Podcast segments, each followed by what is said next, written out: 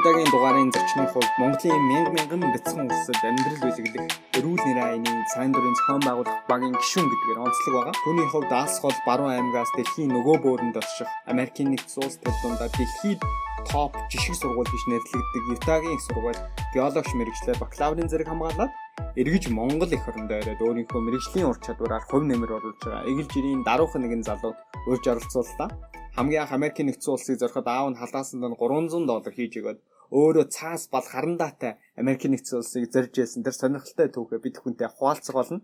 За мөн Америкийн нэгдсэн улсад Ютагийн их сургуульд очичоод оюутныхын зөвлөлт геолог уулуурхайн сургуулийг төлөөж төлөөлөгчөөр сонгогдож ажиллаж исэн.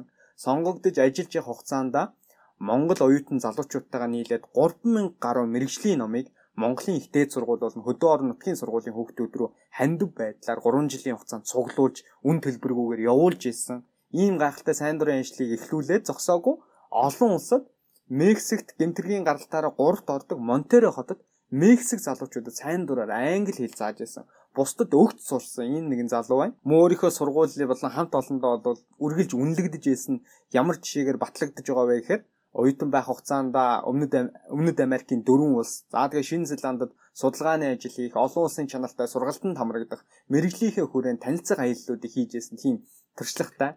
За эргээд сургуулаа төгсөөд Монголдо ирээд Минмарт болсон Аз Европын сангийн гадаад хэргийн сайд нарын уулзалтанд Монгол улсаа төлөөлж оролцсон хоёр залуу төлөөлөгчийн нэгээр сонгогдож байсан. За тэгэхээр чөлөө цагаар бол холын зайн дугуй спортоор хичээлэх сонирхолтой. За тэгээ холын зайн дугуй спортоор хичээлэх тэрхүү сонирхол нь анх ямар урам сэтэл зөргөөс үүдэж бий болсон тухайга энэхүү түүхээр бол хуваалцах болно. Тэгээ урт юм шиг санагдаж байгаа боловч үннийг хэлэхэд энэ дугаараас хасах 1 секунд ч байсангүй. Тийм болохоор та бүхэнд энэхүү дугаарыг бүтнээр нь хүргэж байна. Хамтдаа энэхүү дугаараа эхлүүлцгээе. Сайн байцгаана өрхөм сонсогчдоо та бүхэндээ энэхүү өдрийн мэндийг хүргэе.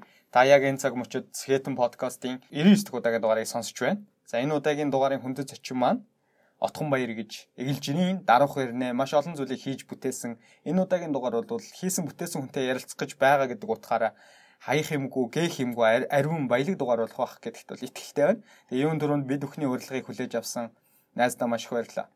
За баярлалаа тавина. За нийт Сэхэдэн подкастын сонсогчдоо энэ өдрийн мэндийг хүргэе. Аа. За тэгээд яриагаа хоёлаа юунаас эхлэх вэ гэхээр алс алс хол баруун хязгаар буюу увс нутгаас дэлхийн нөгөө бөөрөнд орших дэлхийн бас томоохон гүрнүүдийн нэг тооцогч байгаа Америкийн нэгдсэн улсад За тэгээд Америкийн нэгдсэн улсдаа төдийгүй дэлхийд алдартай томоохон их сургууль болох Ютагийн их сургуульд геологч мэрэгчлэр бакалаврын зэрэг эзэмшээд эргэж Монголдо ирээд өөрийнхөө мэрэгжлийн эзэмсэн ур чадвараа өөрийн улс эх орондоо хувь нэмрээ оруулж байгаа энэ цаг мөчид ярилцах болсондоо бол маш их баяртай байна. Тэгэхээр энэ том аялал анх юунаас эхэлсэн бэ? энэ аяллаа хамгийн эхний тэр цэгийн тухай хоёлаа яриагаа эхлүүлье гэж бодож байна. За за баярлалаа. Юуны төрөнд бас нэг зүйлийг бас илүү тодорхой хэлэх нь дээр ах гэж бодож байна. Подкастынхаа ихэнд яг үгүй сая 58 манаа айгүй магтчихлаа. Тэгээд яг яг тэгэхээр нөх хүмүүсийн хүлээлт айгүй өндөр болж байгаа. Тэгээд би бол зөвхөн өөрийгөө яг нэг одоо ч айгүй нээлттэй цаг үе болсон. Олон залуучууд гадаашаа боловсрол эзэмшээ явж байгаа тий. Тэгээд эргээд их орондоо ирж байгаа, зарим нь ирэхгүй байгаа, зарим нь ирж байгаа. Тэрний л зүгээр нэг нэгэн л гэж боддог болохоор тэгээд амар гэж ерөөсөө боддог. Энэ бол ийм л дараахан. Тэгээд маш дараахан хариулж байна.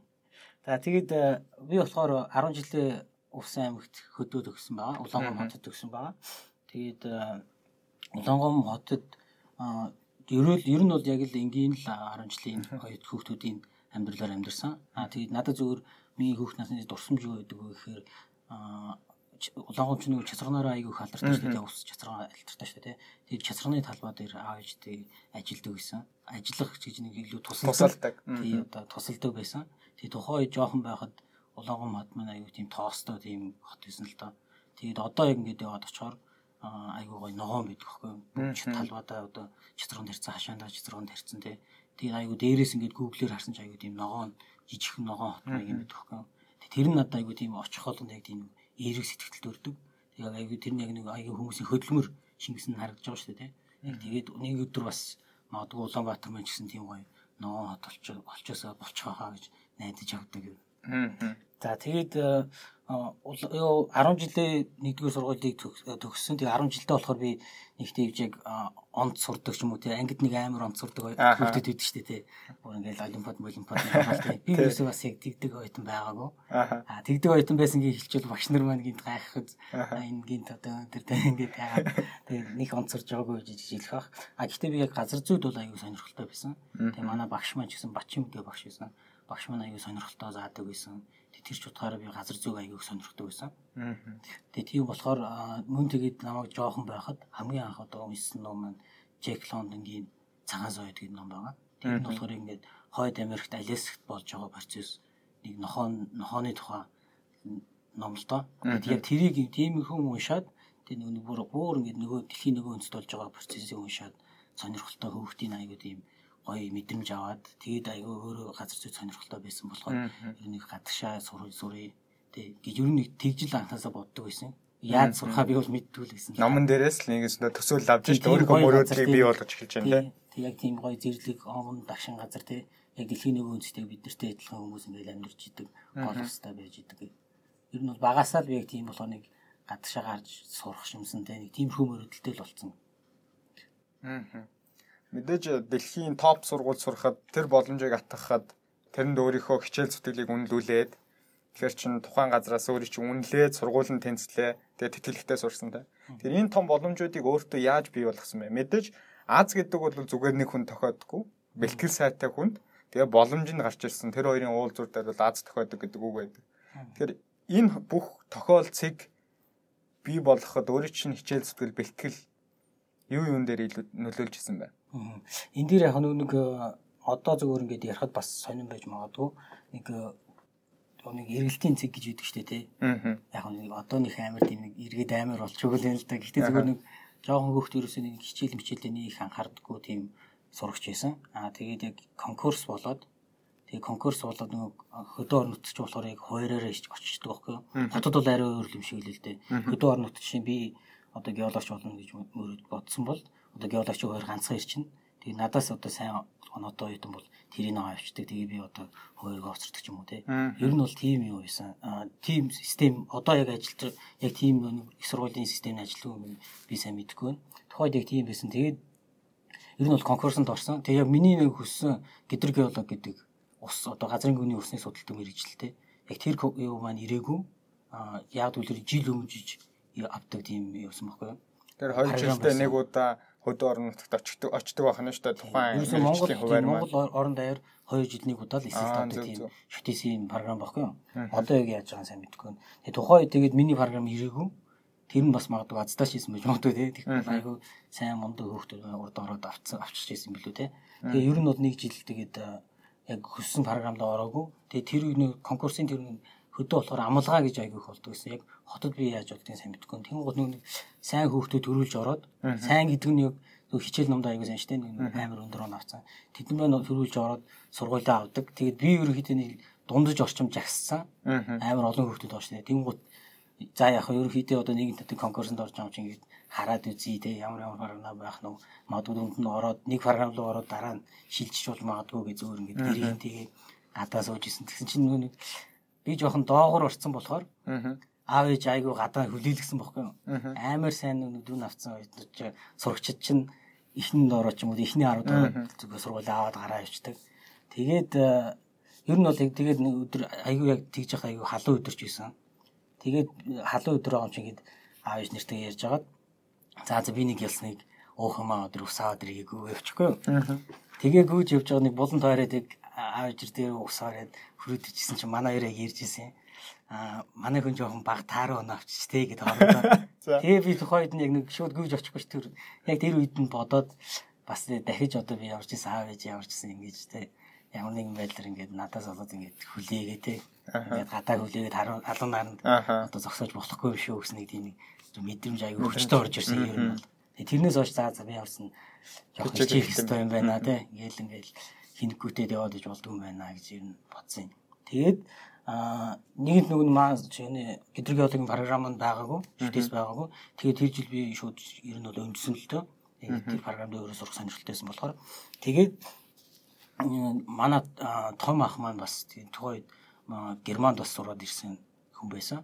Аа одоо тэд том ах маань бас санаачлаг гаргаад ер нь одоо нэг жил өнжүүлж байхаар одоо 4 сар чамаг юу ячаа Малаз руу хэлний сургалтанд явуулчаа. Тэгээ чи бас очиод нэг бас амьдрал үзээд ихтэй нэг амар өчргөө хэл сурдгоо маа гэхэд очиод амьдрал үзээд их гээд явуулж исэн. Тэр бол аюу надад аюу бас том шийдвэр болсон байхаа гэж бодгийн тухайд бас мэдээч одоо хөдөө байгаа айл нэг тийм мөнгө төгрөгөөр нэг тийм илүү илүү гэжтэй тийм гэсэн боловч яг аав юуны боломж гаргаад явуулсан аюу их баяртай тийм. Тэнд очиод яг нэг их өчргөө хэл сураагүй л яг угаасаа л нүг дөнгөж нүг 10 жилдээ нүг нэг AB-гээ заалгаж исэн тий. How are you гэж хэлдэг тий. Тэрийгээрээ л явж байгаа юм. Тэгээд гол нь яг миний бодлоор очиод хамгийн гол нь жоохон сууд зурсан л юм шиг надад санагддаг. Тэр айгүй их чухал. Ялангуяа тэр нүг яг нэг оюутан болохоос болох болох үедээ тэрнээсээ өмнө суугаа сурчгаар айгүй төхөмтэй юм билээ. Цаашдаа нэг академик юугаа бодохоор тэндээс би ер нь бол Малайзд очиод сууд зурсан гэж боддог. Тэгээд ирээд шүтист яг нэг жил өнжсөн шүү дээ тий. Тэгээд яг гэдрэг яадаг аргаанд орж исэн. Нэг жилийн дараа яг одоо хүссэн мэрэгчлэрээ. Тий. Аа. Аргаанд орж исэн. За хоёулаасаа англи хэл гадагшаа 4 сар явж сурах тэр боломжийг олгосон гэж байна. Өмнө нь бол хувийн сургуулийн хүүхдүүд дэлхийн топ сургуулиуд руу явдаг байсан бол энэ жишээг одоо халагдаад хотод хотын улсын сургуулийн хүүхдүүд явдаг болоод оо бүр өнгөрсөн жил бол хөдөө орон нутгаас сургуулаа төгсөөд дэлхийн шилдэг сургуулиуд руу явах боломжтой болж эхэлж дээ. Тэгэхээр хоёулаа бол 11 он 10 оны үеийн юм ярьж дээ. Тэр цаг үе чинь бас те интернетээр нөгөө бид нар нээлттэй мэдээллүүдээ авдаг. Ингээд яг одоогийн байгаа цаг үетэй бол харьцуул харьцуулшгүй шүү дээ. Тэгэхээр тэр цаг мөчид англи хэлийг яг анхан шатны төвчнээс нь ахуулаад сурсан тэр туршлагуудаас хуваалцаж яг гадаад очиод бол яг тодорхой хэмжээнд бол мэддэггүйч үр дүн сайжирсан үр дүн бол гараагүй гэж. Тэгээ эргэж ирээд магадгүй тэрийгэ тогтвортой хөгжүүлээд явсан болохоор Америкийн нэгдсэн улсад тэтгэлэгтэйгээр дэлхийн топ сургууль сурах тийм боломж олцсон баг гэж бодож байна. Тэгэхээр англи хэлийг ер нь анхан шатнаас нь эхэлж сураад одоо профессоруудын тэр хичээлийг ойлгох төвшин төртөл хэрхэн хөгжүүлвэ? Аа. Тэгээд ер нь бол нөгөө нэг янз янзын л нэг арга барилыг хүмүүс ярьдаг шүү дээ. Тэгээд одоо зарим нь болохоор нэг үнэхээр өдөрт одоо 100 нүг цээжилдэг ч юм уу тийм үнэхээр тийм потенциал өндөртэй хүмүүс олыг одоо бас хурдан сурчдаг юм шиг байна. А миний болохоор болоо би ерөөсөө өдөрт 100 мөг ерөөсөө цээжилдэг. Угаасаа цээжилж чадахгүй байсан. А гэхдээ би ер нь бол өдөрт яг нэг үгийг яг бүр яс цээжилдэг байсан.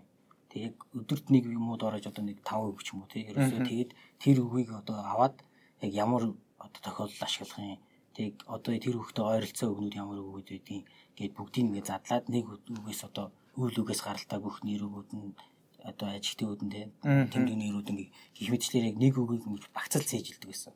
Тэгээд яг тэр үгийг яг одоо энгийн хэрэглээнд хэрэглэгддэг өгүүлрүүдийг нь олоод тэгээд цээжилдэг гэсэн. Тэгээд тэг цээжлэхээр нэг яг нэг үгийг цээжлэхдээ яг тэр үгийг ашигладаг нэг сентенс нөхцөлийг нь мэдээд авчиж байгаа шүү дээ. Ямар нөхцөлд яг энийг ашиглагддаг гэдгийг мэдээд авчна.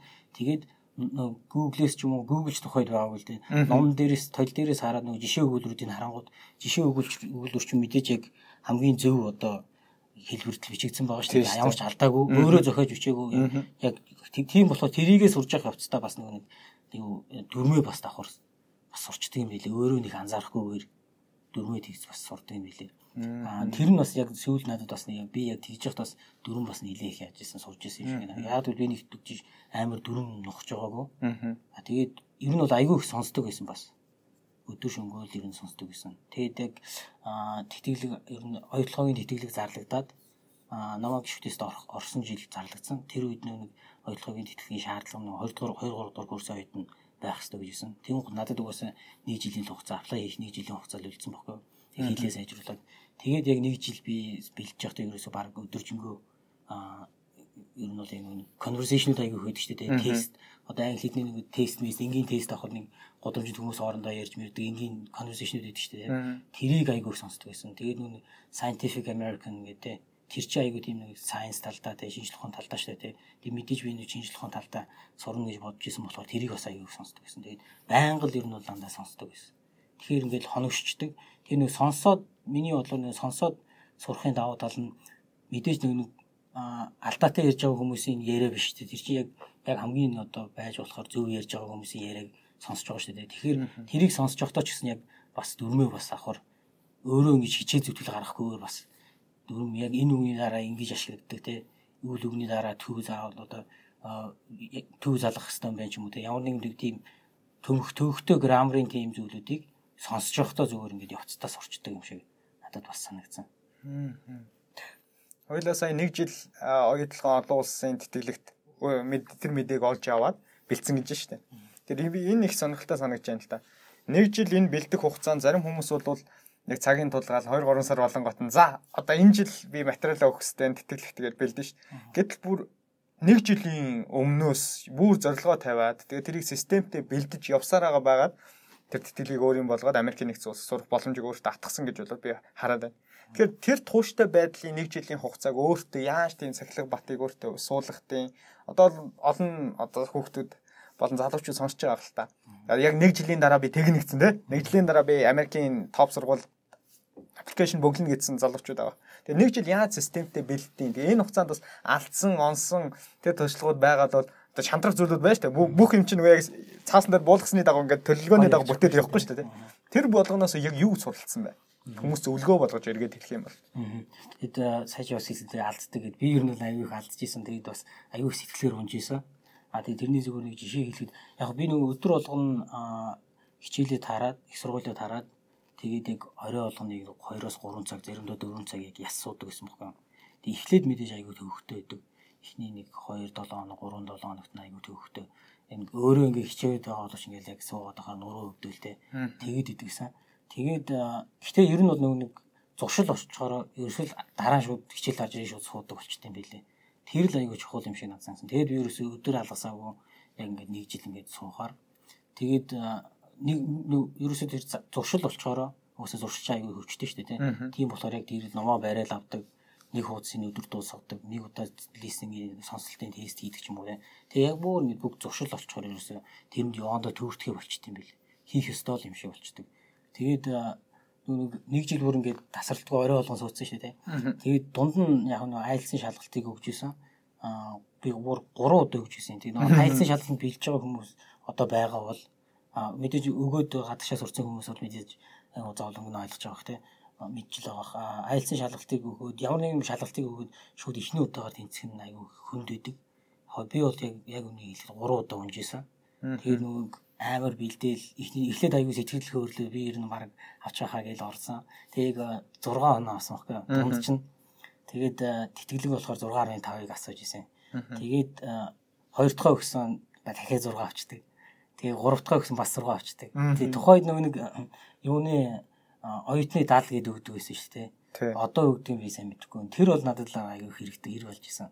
Яг тэгвэл ESP төв дээр очиж бүртгүүлсэн шүү дээ. Монголд ч Тэгээ тэгж яхад яг 300 одоогийн ханшаар бол 300 350 мянган төгрөг ч юм уу байсан юм уу да. Тэг би далаа цуглуудад ер нь бол бас өгдөг гэсэн бохоо. Очиж бүртгүүлээд. Тэг анхандаа болохоор угсаа 2 3 өдөг л 2 өдөг бол бараг авчихна гэж бодож байгаа шүү дээ. Эхлээд эхнийх дээр мэдээж өөрийгөө тестлээд аа ер нь бол яаж өгөх хэрэгтэй байна гэдэг мэдээд авчихна. Тэгж бодож ирсэн. Тэгээд яг 3 удаа ер нь бол яг фейлдсэн. Тэгээд мэдээж тийч нэг фейл гэж байхгүй шүү дээ айлсан шалгалтын дээр зүгээр сайн муу л гэж байгаа шүү дээ хангалттай он хангалттай он аваагүй гэд. Тэгээд би яг ингээд нэг өдөр бас ингээд гэртээ бас нилээн гонглцсан. Гонглсон гэхээс илүү бүр баг ингээд сэтгэлээр бүр унаад ингээд болох уу бараг болох уу доо гэд бүр ингээд ер нь бол ингээд өрөөндөө бүр ингээд шалан дээр зүгээр хөвчихсэн байхгүй юу.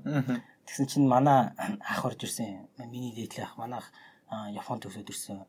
Яг тухайд өнгөж төгсөж ирээд яг бол одоо бид нар шиг их сургуулиуд төгсөж ирээд Монголд ажиллаж исэн. Тэгээд хөрөдөр жах маань орж ирээд тэгээд яасан бэ гэсэн би одоо 3 дахь гуравтаа яг энэ хариугаа авсан байхгүй юу. Тэгээ би одоо ингээд авч чадсангүй. Одоо би ер нь ингээд айгүй их удаан хичээлээ. Ерөөсө бүтэхгүй юм шиг байна. Ер нь хэрэггүй мэн доо гэдэг Монголдоо сурыг гэд. Тэгээд цаадсан тэр намаа ерөөхдөө манай ах маань жоохон аргадаа тий.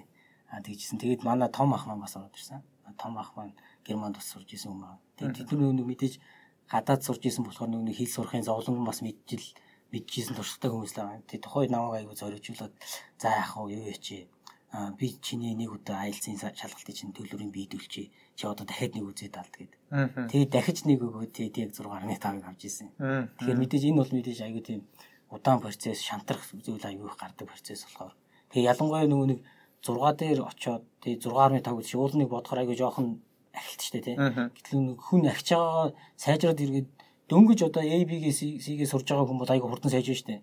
Тэгж явж байгаа нэг learning curve нэг сургалтын мөрөө чинь ерөнхийдөө тэгшрэг шинжтэй болчдөг. Тухайн үед нь одоо яг тэр үед нөгөө нэг өөрийгөө өөрийнхөө 7 хоногийн өмнөх нь сарын өмнөхтэйгээ харьцуулахаар сайжрахгүй байгаа юм шиг аюул мэдрэмж төрдөг байхгүй. Би одоо энэ үгийг одоо дахиад зээжлээгөө юм те дахиад энэ үгийг харж илээ арайчтай гэж боддог. А гэтэл яг өөрөө анзаараагүй баг багаар ингээд сураад байх юм бол нэг мэтгэд аюул сайжирсан байдаг байхгүй. Тэрийг тухайн үед ерөөсөө анзаардгүй. Тэгэл би одоо ерөөсөө сайжрахгүй энэ одоо сайжруулнаа л гэж яриад байгаа, хийгээд байгаа боловч гэж аюул шантардаг байсан. Нөр тийм биш үнэ. Татаа чи яг санал нэгдэж одоо яг сурж байгаа хүмүүс бол бас яг тэгдэг шүү гэж бодож байгаа хэрэг. Тэгж байгаа. За, англи хэл гэдэг бол олон улсад суралцах тэр том шалгуурын бол 20% ихэнх хүмүүс тэгж хэлдэг. Энэ бол хамгийн анхны даваа тий. Мэдээж очиод профессор буюу тэр мэрэгчлэтнүүдийн багш нарынхаа яриаг ойлгохын тулд л мэдээж бид бүхнээс шалгаж авч байгаа шалгалт гэж хүмүүс хэлдэг. Гэвтэл энэ их сургуулиудад тэнцэх хэдэн мянган долларын тэтгэлэг яагаад өөрчлөн заавал ёстой гэдэг нэг том шалгуураас Энийний үндсэн цаад шалгуур нь яг юу байдаг гэж өөрөө боддог боддог эргээд харахад оюутлага гэдэг компани өөрөө чи олон улсын төвшөнд Монгол залуучууд дундаас төлөөлөөд энэ 4 жил сурах энэ боломжоор хангасан зөвхөн англи хэл гэдэг энэ үзүүлэлт биш. Өөр ямар үзүүлэлтүүдийг өөрөө чинь олж харсан болохоор тань тэр гайхалтай боломжийг олгосон гэж бодож байна. Аа тэгэд энэ дээр бас нэг хэлээд нөгөө нэг 2008 онд оюутлага компани хөрөнгө орлын гэрээ зургдсан шүү дээ. Засгийн газар та тэр тэр хүрээнд гэрээний хүрээнд нэг Монгол оюутныг оюутлага компани зүгээс 30 оюутныг 5 жилийн дотор гадаадад яг наад шиг одоо ингэ сургаад явуулнаа гэсэн тийм гэрээтэй байсан. Тэгээд тэрний хүрээнд явуулсан явуултаа процесс л тоо. Тэгээд тэрний санаа нь болохоор яг наад шиг 30 хүн ингээд яваад хөрөөд ирцэн гэсэн үг те. Яг мэрэгжлийн эзэмшээд явж байгаа гэсэн. А тэгээд би нөгөө нэг ярилцсанд ороод нөгөө нэг бүр бараг 10-аад хүн ингээд уртл суугаад ярилцлаганд орж байгаа байхгүй юу. Тэтгэлийн ярилцлага анхны шатандаа тэнцсэн. Тэгээд э, хоёр дахь шатандаа би ер нь одоо яг ороод яг өөрийнхөө ер нь яг яаж бэлдсэн талаараа илүү ярьсан. Одоо ингэж ингэж ингэж бэлддэг байсан. Тэгээд би өөрөө ингээд геологийн чиглэлээр тэг уул уурхаан чиглэлээр гидэр геолог гэдэг мэргэжлийн эзэмших сонирхолтой байгаа. Тэг манай а бас геофизикч. Тэг манай ээж бас гидэр гидэр гидро инженер байхгүй юу. Ер нь бол яг гидэр геологтой төстэй. Тийм байгаа. Тэгээд би юм ингээд ингэж ингэж бэлдсэн гэж хэлээд гараа явсан дараа нь тэнцсэн. Тэгээд сүүлд нэг нэг төгсч төгсч оюутан болоод Америкт очиод байж байхдаа бас нөгөө нэг тэтгэлийн шалгуурыг нөгөө тэтгэл намайг тэнцүүлсэн хүмүүс байгаа шүү дээ тэр хүмүүстэйгээ ерөнхийдөө би нэг холбогдож ерөнхийдөө нэг хандаж асуусан бохгүй би ингэж яг яагаад тэнцсэн бэ гэсэн чинь тэднэрт болохоор нөгөө нэг надад аягүй бэлдээд яг нэг жилийн өмнө би энийг сонсоод тэгэд би энэ бэлдсэн юм а гэсэн аягүй тийм сэтгэл хүрсэн байлээ. Тэр нь л аягүй их хүчтэй нөлөөсөн юм шиг лээ. Яг тэгвэл зарим хүмүүс нэг сая чиний хэлдгээр яг нэг сарын өмнө зарлагдсан байж тээ гэж за одоо амжуулчих юм уу. Тийм хүмүүс бас байсан баг. Тэгээ тэрнтэй нэг харьцуулагдчихын гут яг энэ жоохон хичээсэн юм байна гэдэг нь л аягүй тийм тэр шууд харагдаад исэн юм шиг байна. Тэгээд маш олон хүмүүсээс ярилцлага аваад үзсэн хүмүүс чинь бас хэн үний ярьж ийн худлаа ярьж ийн гэдгийг бол анддаггүй юм шиг надад санагддаг. Тэгэхээр үнэн байгаад тэгээд тэр үнийн яриа нь бодит амьдралынхаа өөрийнхөө нөгөө давсан унсан тэр түүхээ ярихаар хүмүүс бас сэтгэл хоногч үлддэг юм шиг байна. Зөвхөн тэтгэлэг гэлтгүй юм ямар ч хүнтэй ярилцсан тийм. За тэгээд тэтгэлэгтээ тэнцчлээ. Яг жилийн дараа хүссэн, зорьсон тэр мэдрэмжээ аваад гартаа хатгаад за би ингээд тэнцчлээ штэ тий. Америкийн нэгдсэн улсад одоо багын мөрөөдлөө бүр биелүүлэхээр болчлаа гэдэг. За тэгээд тэр төсөөлөл бол гахалтайсан баг л та тэр баяртай мэдээг авчаад за тэгээд Америкийн нэгдсэн улс руу явах боллоо. Тэгэд явх болоод очиод төсөөлж ясан Америк улсыг ямар байсан хамгийн анх Америк нэгдсэн улсад онгоцноос муугаад хөл тавьж байгаа тэр мэдрэмж сургууль дээр очиж байгаа тэр мэдрэмж. Америк руу мортгож исэн тэр догдол энд тухайгаа гоё холбож яриач. Аа тэгэд э, ер нь бол э, би юу гэж нэг Монгол хүмүүс ялангуяа Монгол одоо харьцан гайгүй гэж магадгүй аа яриагаа хөгжүүлэх аягүй хөвгтэй гэдэг шүү дээ Монголд. Одоо ч гэсэн бас мэдээж хөвгтэй л байгаа. Ялангуяа хөдөө нутгатаа бол. Тэгээд яриагаа айгүй тийм сайжруулах хэрэгтэй байсан. Зөвхөн айл сөхөөс илүү. Тэн чи очиод би бас хүмүүстэй яриа штэ тий тэгээд ойр зүрийн юм ярин ярина а тэгээд тэн дээр би бас нэг амар тийм бас инээдтэй ч их юм одоо бодож байгаа инээдтэй л а яриагаа хөгжүүлэхээ практик хийхээр ерөөсөө практик хийх хүн байдгүй. Тэгээд би хаанаас ч үлийн нэг сонсоод а тэр юу хийдин шүү 10 дахь хорлын тэн сүм бий дээ тэн дээр гадаадын Монголд ажилладаг гадаад хүмүүс очиж бас гадаадаар нөгөө нэг номлоо сонсоод тэгээд байдаг аахгүй юу гэд надад хэлсэн. Тэнгуут аа за тэгвэл ерөөсөө тэнд нь очие гэд. Тэгээ би тэнд нь очсон л доо. Тэгэд яваад байсан чинь тэнд ерөөсөө хатаа тэр ерөөсөө байгаагүй.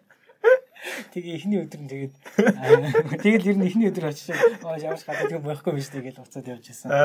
Тэгээд яг нэг яагаад чинь тэгээд азар ч юм уу тохиоллооч юм уу дараа нь дахиад яг яг бас яг ихэнх яг гадаад хүмүүс нь очиж сонсдог тийм номлоо сонсдог ярилцдаг тийм юу жижигхэн сүм тэр юуны одоо нэг чулуу гэдэг чинь офицероос урах шиг тэрнээс урах шиг буур ингээд хороол дундуур явж явахаар нэг тийм хин ч хараа гадаасаараа тийм сүм гэж хэлэхэргүй нэг тийм жижигхэн хоёр давхар байранд байдаг байсан лээ. Тэгээд би бас нэг яаж яваад ч илүү бас нэг хоёр бас нэг бас нэг над шиг хүн л байсан баг. Тэгээд ярилцаад тэгээд яс тэнд яг үнэхээр үнэхээр яг нэг гадных нь очиж нэг номлоо сонсдог гэсэн. Тэгээд тэрийг би бол хойд нэг сайн ойлгохгүй л очиж байгаа даа хэл яриа. Тэгээд нэг яг библийн шашин машны чинь яриач нэг аюу тийм эртний англи хэл шүү дээ.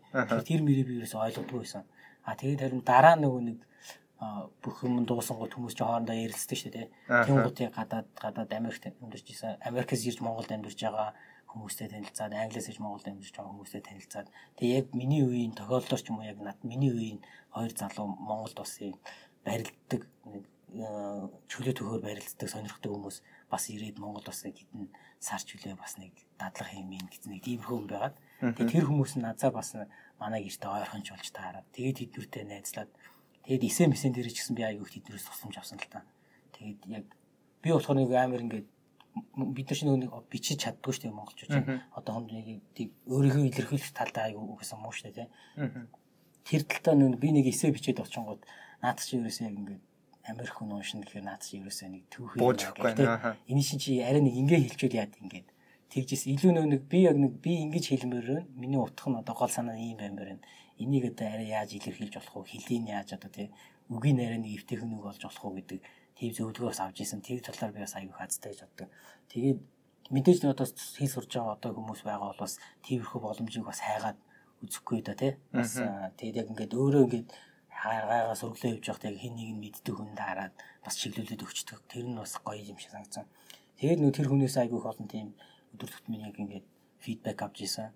Тэгээд хэрэгтэй үедэнтэй шууд ингээд шууд бисэгээ байж очиж шууд гэрлэн очиж хаалгын цахал энийг нэг хийлээд өгөөч тусаад өгөөч гэд хичдэг байсан. Одоо ч бол халцангаас онлайн курсууд олон байгаа. Үнгүү онлайн хүмүүстэй ярилцах те. Магадгүй магадгүй. Тэг яг тэрнээс хойш би ерөөсөө тэр нэг тагч харагтай марагтай дараагүй. За за за. Окей. За тэгээ мэдээж энэ бол тууштай хүний хийх үйлдэл ах. Мэдээж өөрөө 100% хүсч чадсан хүн ингээд тэрнийхээ араас хөөцөлтөөд хаана л боломжийн тэрийг эрэлхийлдэг юм шиг. Тэгэхээр эхлээд өөрөө бол тэр хүн үнэхээр хийх гэж байгаа зүйлээ 100 хүсэж байгаа. Би үнэхээр үнийг хийхийг хүсэж гинүү гэдгээ өөртөө итгэл үнэмшилтэйгээр итгүүлж чадсан цагт бол ямар ч зүйлийг бол ямар ч боломжийг л одоо өөдөө шиг ингээ гаргаж ирэх шүү дээ. За хоёулаа нөгөө Америкт анх хөл тавьсан мөч. Тэр талаараа. За тэгээд өргөжлүүлж гэж бодчих. Хадраг энэ хүмүүст бол үнтэй зөвлөгөө байлаа. Аа. Америкт хөл тавьсан мөчөөс өмнө дахиад нэг хэлчихв. Юу хийжээ? Би нөгөө нэг Америкт хэсэлүү би Канадад очино гэж яадаг гэсэн гэсэн нэг яг л Канад ч нэг бас нөгөө газар зүйн хичээл дээр айгүй олон нууртай Монголдоо төстэй зөв хөв намтай гэл гоё байгальтай гэж тэгж боддог гэсэн. Тэгээд Канад ч хөвтөө орн болохоор мэдээж Канад ч нэг хоккей айгүй алдартай шүү дээ. Тэгээд тийм болохоор би бас шүтээс сурж явах хугацаанд юу хийжсэн. Шүтээс анх удаа байхад тэр нэг хоккей хоккей гэхээс илүү нэг канкины тийм хичээл авдаг бүр. Хичээл нэг гэр дийдийн жилүү тийм хичээл зааж ийн гаргах чинь гэхээр нэрийг өөр сонирхоод би нэгс одоо хоккей жоохон амар гулгахгүй. Тэгээ очиад нэг ямар ч сан хангийн тэр унаад тэгээ гидрийг хараад унчих унчихгүй хэмжээнд очиндоо гэж одоо тэр хичээлийг аваад тэгээ яжсан. Гэхдээ яг эцдэр болохоор Америк руу явцсан л да. Тэгээд Америк руу ингээд Америк руу явсан байгаа. За. Тэгээ Америкээс Америк руу очиж явахд болохоор юу хийж исэн манай аав бас нэг амар гоё юм ярьж исэн тухайн үед би яг л яг л оюутан 90-ийн оюутны яваад очих гэж байгаа шүү дээ тэгээд аав маань надад 300 доллар өгч ирсэн. Аха. Ерөөсөө л уртаашаа ерөөсөө 300 доллар. Яг 300 доллар халаасан даягаар Америкийг зорж шүү дээ. Америкийг зорж ирсэн. Тэгээд өөрөө бас яриад инеж ирсэн. Тэгээд хүүхэд нь ингээд Америк руу явж явах те 300 доллар өгөөд явуулдаг аав хоёр нь надаас өөр байхгүй байхаа гэд инеж ирсэн. Тэр нь яг мэдээж нөгөө нэг том тэтгэлэг авсан юм чинь цаашдаа бол асуудалгүй гэдэг мэдж байгаа болохоор тэгээд өгөө явуулж исэн бид. Тэгээд энэ дээр бас нэг хэлэхэд Америк руу би очихдоо тэгээд ер нь бол 300 доллар очоод нэг 250 долларын компьютер аваад тэрийг би айгүй олон жил хэрэглээ одоо ч гэсэн байгаа л да. Жижиг лаптоп аваад тэгээд 50 доллараар нөгөө нэг тийм дэлгдэг утас гэдэг чинь нэг Samsung-ийн нэг утасууд байдаг гэсэн чинь тэгээд дэлгэждэг. Тэр гэхдээ яг Samsung-ийн биш тийм утас аваад утасныхаа төлбөр нь SIM карт аваад ер нь бол яг дуусч исэн. Тэгээд очоод лаптоп авч исэн. Тэгээд тэгэд яг Америк тухайд яг өөрийнхөө тэр сэтгэлгээгээр очиж исэн. Би нөгөө хэл сурж байхдаа айгүйх цаасан дээр бичдэг гэсэн мөхгүй. Яг тэр сэтгэлгээрээ юм бичнэ гэж очоод тэг айгүйх цаастай тэг бал аваад явж исэн харандаатай. Цаас харандаа аваад Америк сурахаар сурахаар явж штэ тий. Яг одоо бол тэгэд би бас заримдаа бас боддог байхгүй. Яг тухайд нөгөө Америкт очоод ингээд сурах гэж байгаа. Тэгээ цаас бал аваад явж байгаа Монгол залуучдын тоо ингээд надаар ингээд доолсон баг эзэлсэн байх одоо одоо тийм. Одоо юм тэгэндээ өгчсөн гой гой лаптоп мо юу гэдгийг халаг уц уц бүгдийг аваад явж байгаа шүү дээ. Тийм бас сонирхолтой нэг нийтдээ юм бас. За тэгээ Америкт очсон. Мэдээ сургуулийн тарч яваад оюутны байранда байрлуулаад бүх зүйлүүд нь шинэлэг санагдсан ба а магадгүй шинэлэг бус ч юм уу анх яг төсөөлж ясан зүйлүүдээс нийцээгүй Аа эсэргээрээ бүр төсөөллийг чи хэд дахинд авсан тийм тохиолдлууд үйл явдлууд юу байсан бэ? Аа тэгэд э, би очоод ер нь бол нэг юу байсан. Аа аль болох нөгөө нэг хилээ хурдан сайжруулъя гэж бодсон. Тэгээд гадаад оюутнуудаа би аюу найзалж исэн. Аа тийм нөгөө олон улсын юунд нь зохион байгуулалт гадаад оюутнуудын одоо хариуцдаг салбар гэж байгаа шүү дээ. Тэнд нийтвэхтэй оролцоод очоод яаж исэн. Тэгээд нэг юм байд болон мэдээж гэрээ мэдээж аюу их санана. Тэгээ гадаад оюутнууд ч гэсэн тэгэл Монгол биш болохоос чинь бас гадаад ирсэн байгаа шүү дээ. Тийм болохоор тэд нар ч гэсэн яг нэг ижлэх нь бас гэр мэрээ санах тийм зовлонтой. Тэгээ тэд нартэйгээ айгүй их тэгж нийлж э, ярилцдаг гэсэн. Тэр нь ч одоо яг нэг бус соёлуудаа харилцаа бус соёлуудыг мэдэж аваа тий. Одоо би ч бас бусдаас бүр тийм амар онцгой бас биш юм байна. Тэгээ яг ижлэх нь бид нар бол өөр л болохоос тий нэг тийж амар тийм онцгороод байх юм байхгүй юм байна. А гэхдээ нэг хүнээс нэгт урд ороод авах юм байхгүй юм байна гэдэг тийм ойлголттой болж байсан. Тэгээд өмнө нөгөө нэг Америкуудтай бас нэг энд Монгол байж байхдаа бас нэг харилцаад нэг жоохон баримжаа авсан байсан болохоор очоод нэг тийг амар шоол болсон шүү дээ. Ороогүй. Тэр бол харьцангуй байсан. Гэхдээ харин нэг нэг би бол одоо 6.5 он авчлаа бол одоо очоод шууд сурчин сурчин гэж бодож байгаа юм боо шүү дээ. Тэгэхэд болохоор яг яваад очоод бол 3 сарыг үнэхээр ингээд аюу амар гээд юу яриад байгаа лекцэн дээр юу яриад байгаа сонсогддог. Яг тэгин шүү гэд хүмүүс тэгэд идэгсэн. Яг л тэгдэм байлээ. Тэгэл нэг 3 сараас яг тэр чинь бараг семестрийн хагасан бол явж явчихлаа шүү дээ. Тэгээ 3 дахь сараас арай гайгүй чихнийгдээд тэгээ яг жинхэнэ утгаараа одоо яг ойлгоод явж байгаа. Эхлээд болохоор яг юу хэлж байгааг нь ойлгох гээд хичээгээд идэг гэсэн. Зааж байгаа агуулгыг ерөөсөө ойлгож чадахгүй. Тийм байсан. За Америкийн нөхцөл сая очиод англи хэлээ сайжруулахад тэр оюутнууд дундаа ороод сайн дурын байгуулагч байд юм уу тэр хаана л олон оюутан цуглаж ин зэрэг газруудад ороод өөрийнхөө хэлийг сайжруулах арга замыг хайсан байна шүү дээ.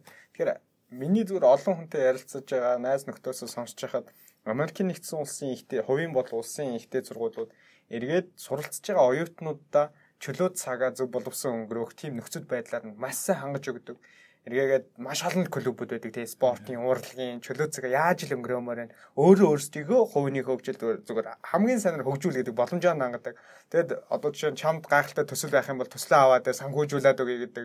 Судалгааны ажил байх юм бол тэр судалгааны ажлаар гадагшаа дотгошоо явж суралц гэдэг. Тэр бүх боломжоо хангадаг юм шиг санагдсан. Тэгэхээр энэ систем донд ороо суралцж байсан хүний хувьд оюутан байх тэр цаг үеийнхэн тухай яриад оюутан байхдаа ямар ямар клубүүдэд орж өөрийнхөө ур чадварыг сорж эргээд эргээгээд нийгэмдээ тэр клубт ороод Америк нэгдсэн улсад бол Монгол эх орондоо ямар ямар байдлаар өөрөө хувь нэмэр оруулж аа тэгэд Америкт яваад очиход нийгэм аягүйх амар анзаарэгддэг. Аа тэрийгээрээ ч нөө Америкийн боловсролын систем аягүйх гадаадаас аягүйх олон оюутныг татдаг баг л та. Тэр нь юу гэхээр үнэхээр одоо чи бүр амар лаг ухаантай байх ерөөсөө шаардлагагүй Гэхдээ чи айгүй хичээлтэй зүтгэлтэй байх юм бол те магадгүй чи одоо математик ерөөс ойлгохгүй л шүү дээ тий. Гэтэл яг тэрий чинь яг ойлгодог одоо хүний олоод тьютер аваад дэмжиж өгч болдог. Тэр нь айгүй хэцүү систем. Тэгээд ямар нэгэн санаачлага гаргах юм бол айгүй тийм дэмжиж чаддаг. Жишээ нь одоо ийм байна л да. Америкийн оюутны холбоо гэж сургууль дээр байгаа байхгүй. Тэр нь манай оюут янз янз л гэдэг баг. Гэтэ манай ЮТГ-ийн сургууль дээр болохоор нийт оюутны одоо жилд төлж байгаа төлбөрийн 3 орчим хувийн буцаад оюутнуудаа одоо ямар нэгэн байдлаар засварлагдах хэрэгтэй гэсэн тийм бүр дүрмтэй байсан. Тэнгуут тэр чинь нөгөө нэг бүр 20 хэдэн мянган оюутнаас цугларсан 3% гэдэг чинь аюу том тооч тий. Тэнгуут нь тэн дээр одоо сонирхолтой спорт клуб байна уу, тэмцээн арга хэмжээг нь зохион байгуулдаг юм тий. Тэр нь буцаад оюутнуудаа хөгжүүлэхэд аюу а буцаа хөрөнгө оруулалт хийдэг. Тэрийг бид нар бас монголчин бид нар тэндээс чинь тухай 6 оюутан байсан юм. Тэгээд 6 оюутан бид нар бас яриад бас ийм гоё газар ирсэн тэгээ боломжтой байна. Бид нар хичээвэл бас дэмжчих юм биш үү гэд.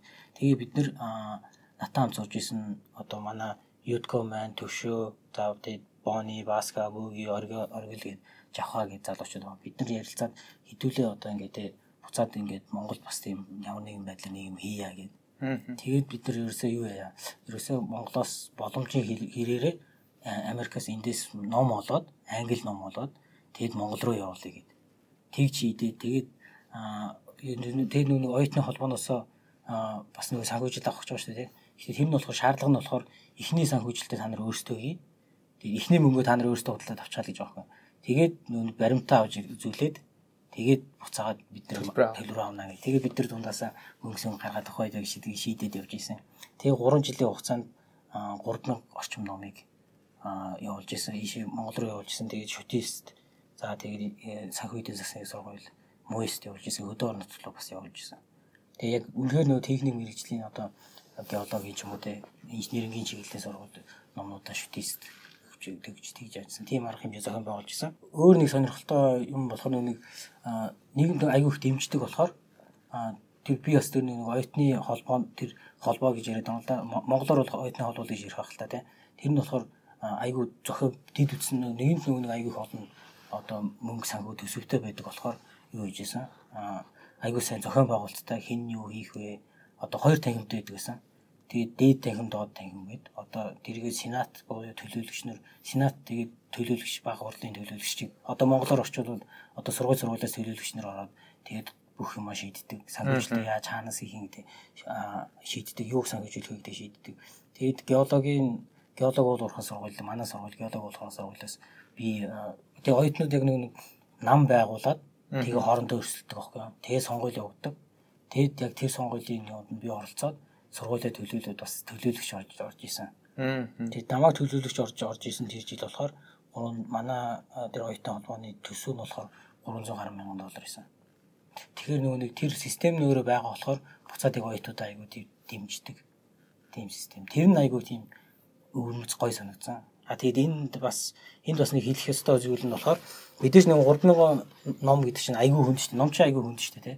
Тэгээд тэрийг Америкаас олж олох нь айгүй хэцүү те. Олцсон юугаа номоо Монгол руу авч ирэх бүр бас айгүй хэцүү. Яг л одоо юу гэдэг те ди хичээлэр ч юм уу явуулах юм бол тэр чинь бүр бараг 100000 долларын үнэтэй тийм болчихно. Мэдээж тийм санхүүжилт байхгүй.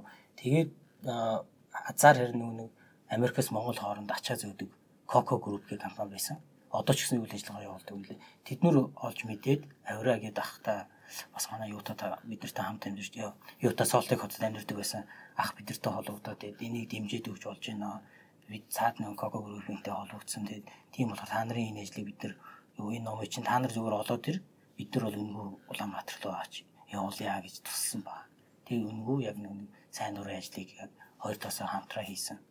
Тийм болохоор тэр хүмүүст бас баярлалаа гэж үсэв. Аа. Эргээгээд нийгэмдээ өгж байгаа энэ үйлс нь одоо тухайд 10 хэдэн он блэ? 13 он. Тий, ер нь бол 13-аас 16.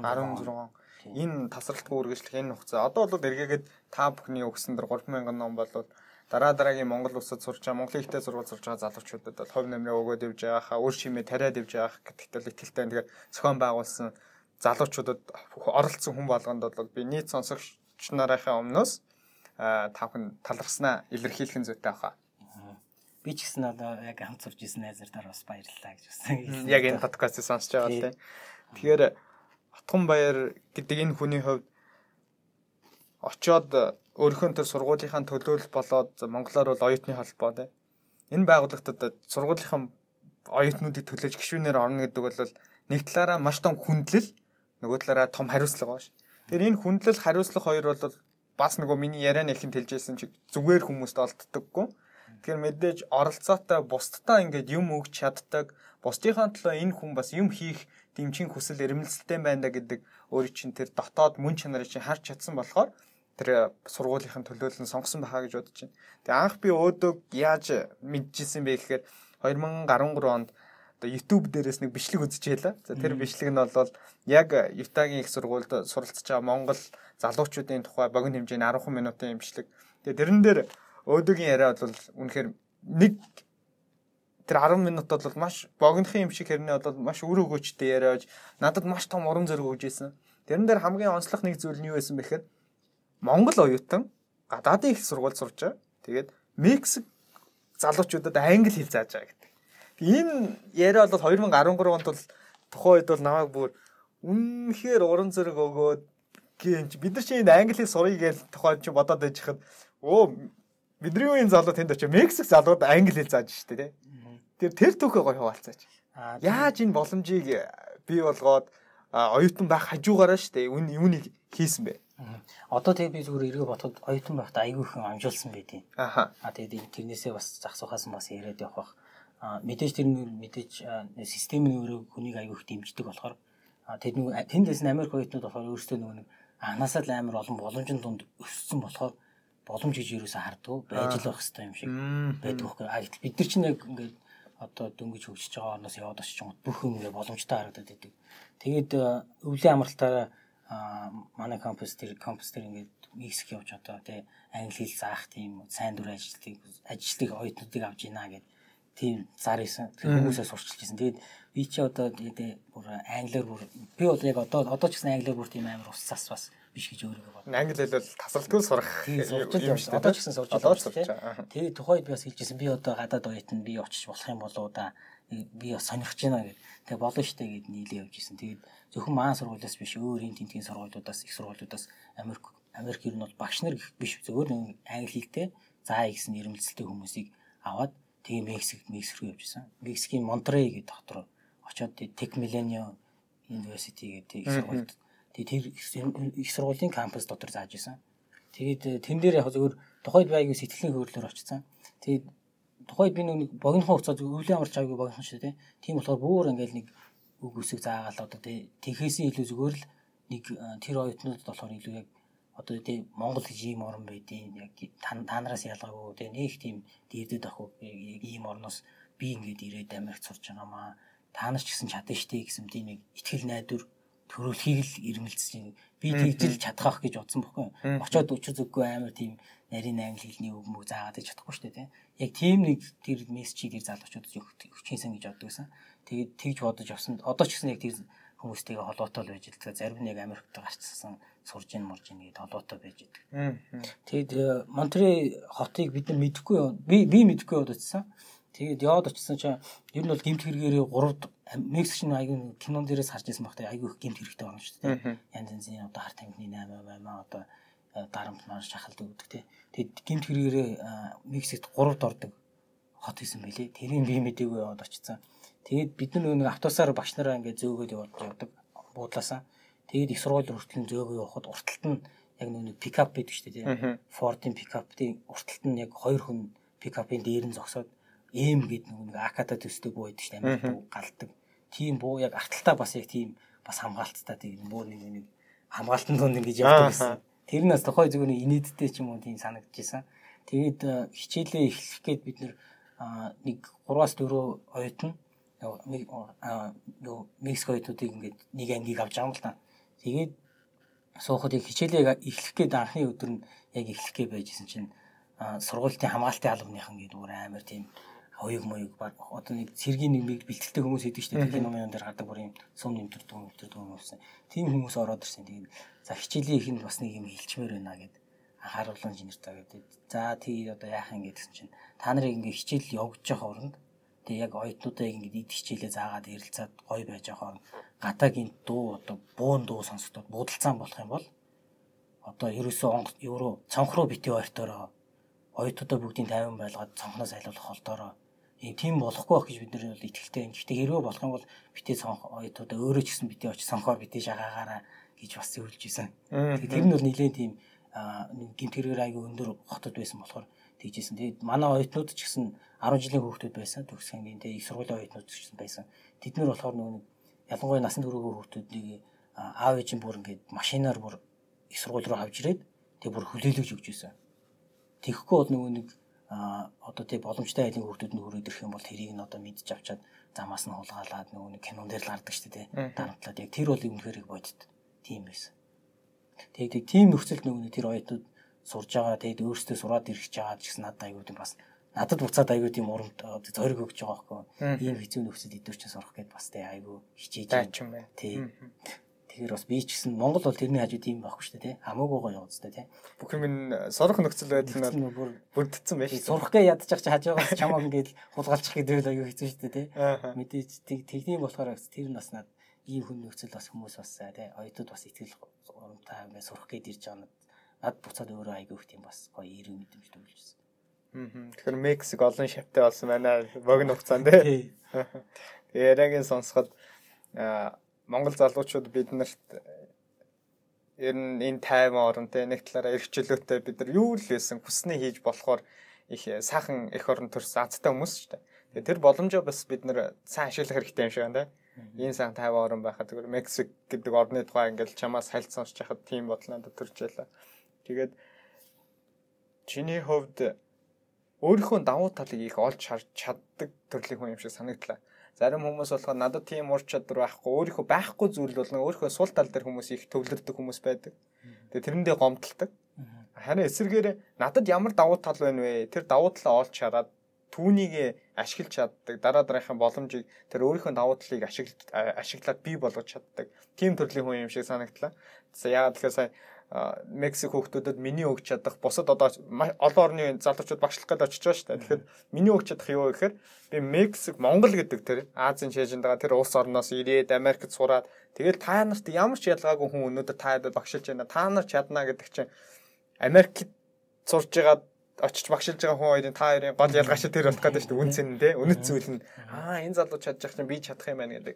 Тэр өөрийнхөө давуу талыг ямар ч нөхцөл байдалд орж орж харна гэдэг бол үнэхээр гахалтай ур чадвар юм шиг санагдлаа. Тэгээ яран дундаас нь би бол энэ зүйлийг олж авлаа гэж бодож байна. Тэгэхээр энэ гайхалтай ур чадварыг энэ давуу талыг хэрхэн ашиглаж оюутан байх хугацаанд дэлхийн томоохон томоохонд нэрлэгдэх уулуурхайн компаниудад дадлах хийх боломжийг бол олж авсан байх гэж бодож байна. Америк нэгдсэн улсын систем нь өөрөө бас тэр нь гайхалтай. Залуучууд оюутан байхад нь дадлах хийх нөхцөл бололцоог нь хангаж өгдөг.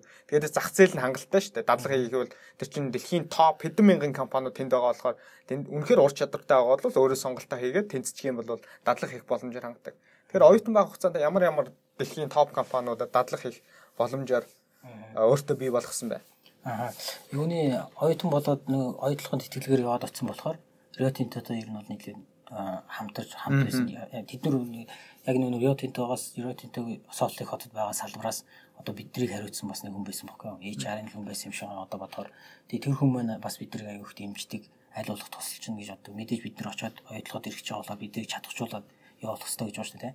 Тэгээ эхний жилдээ ирсэн зун ирсэн жилийнхээ зун нь болохоор яг бидний шууд автоматар нэг кинокотыг кинокотын уурхаа гэдэг Бингамын уурхаа гэдэг айгу алдартай уурхаа байгаа л да. Тэр нь болохоор яагаад алдартай вэ гэхээр ерөөсөө энэ магадгүй сонсч байна сонсч байсан бол оюутлогоо орд гэдэг бол зис порфирээ орд гэдэг шүү дээ тийм. Тэр порфир гэдэг нь өөрөө яадаг вэ зүгээр энгийн энгийн үгээр тайлбарлахад амар баг агуулгатай зис зисийн хөдөр мөртлөө их хэмжээгээр байдаг. Тэр тийм хөдрийг ерөөсөө өмнө нь болохоор ерөөсөө ашигтайгаар олруулж чадахгүй одоо жижигхэн хурцээр ухаад ерөөс ашигтай олж чадахгүй байсан бохоо. Тэгээд бүр эн чинь баг бүр 1903 оны асуудлыг ярьж байна л да.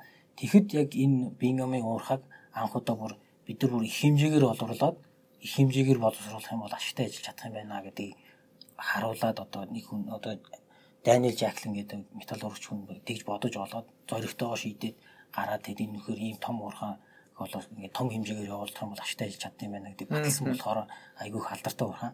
Тэгээ энд бас яг дадлага хийх боломж олдсон. Тэгээ дадлага хийж явах хугацаанд намайг яг яваад очиход бас яг Монголоос бас ойдлоготой холбоотой холбогдоод шин төгсөгч нар бас очсон байсан. Тэгээ яг нэг офис суугаад шин төгсөгчтэйгээ Монголоос шин төгсөгчтэйгээ бас хамт ингээд суугаад ажиллаж исэн. Тэгээд дадлагын үед ажиллаж исэн. Тэгээд одоо ч гэсэн яг одоо хамт сууж исэн. Тэр офис хамт сууж исэн хүнтэйгээ тэр маа буцаад ирсэн. Би энэ хөрөөд ирсэн. Нэг хилцэд бас яг ингээд хажуу хажуудаа сууж идэг. Тэрхүү тэрийг одоо утгаараа ингээд тийм гоё идэг байхгүй. Тэгэд эхний жил нь бол тэгээд тэр уурхаа дээр дадлага хийгээд өнгөрсөн. А хоёр дахь жил нь болохоор та нар дадлага хийсэн ч болно. Тэгээд ер нь бол нэг бол зуны хичээл авсан ч болно гэж хэлжсэн. Тэгээд хоёр дахь жил нь болохоор би дадлага хиймээр гэж санал гаргаад resolution гэдэг бас нэг айгүй том зэсийн төсөл байдаг л да. Аризона мужид байгаа. Тэгээд оюутлогоо уурхаа болохоор 1.3 км-ийн хүнд бүхтэн байгуулалт болж байгаа шүү дээ. Тэгэд resolution-ийн төсөл болохоор 2.3 км-ийн хүнд байж байгаа тийм бас яг төсөл байсан. Яг манайх шиг одоо ингэж эхэлчихээг байгаа. Гэхдээ яг нэг тэзүүгэн хийгдээд явж байсан. Тэзүүгийн өмнөх нь судалгаа нь хийгдээд явж байсан. Тийм төсөл дээр айгүй ирээдүйтэй төсөл юм шиг надад санагдаад. Тэгээд тэр үед болохоор нэг ерөөсөө тэд нэр зуны дадлага аавн маавн гэж ерөөсөө төлөвлөгөө байсан. Тэгээ би болохоор нэг Риотинтод байж гисэн нэг холбогддог хүнтэй санал гаргаад би тэр төслөөр ажилламаар байна. Тэн дээр та нар одоо намайг дадлага хийх боломж олгооч ээ гэд. Тэгээд нүг нэг мэдээж дадлага оюутан дадлага хийлэн гэдэг нь бол энэ бол зардалтай шууд олгож байгаа шүү дээ.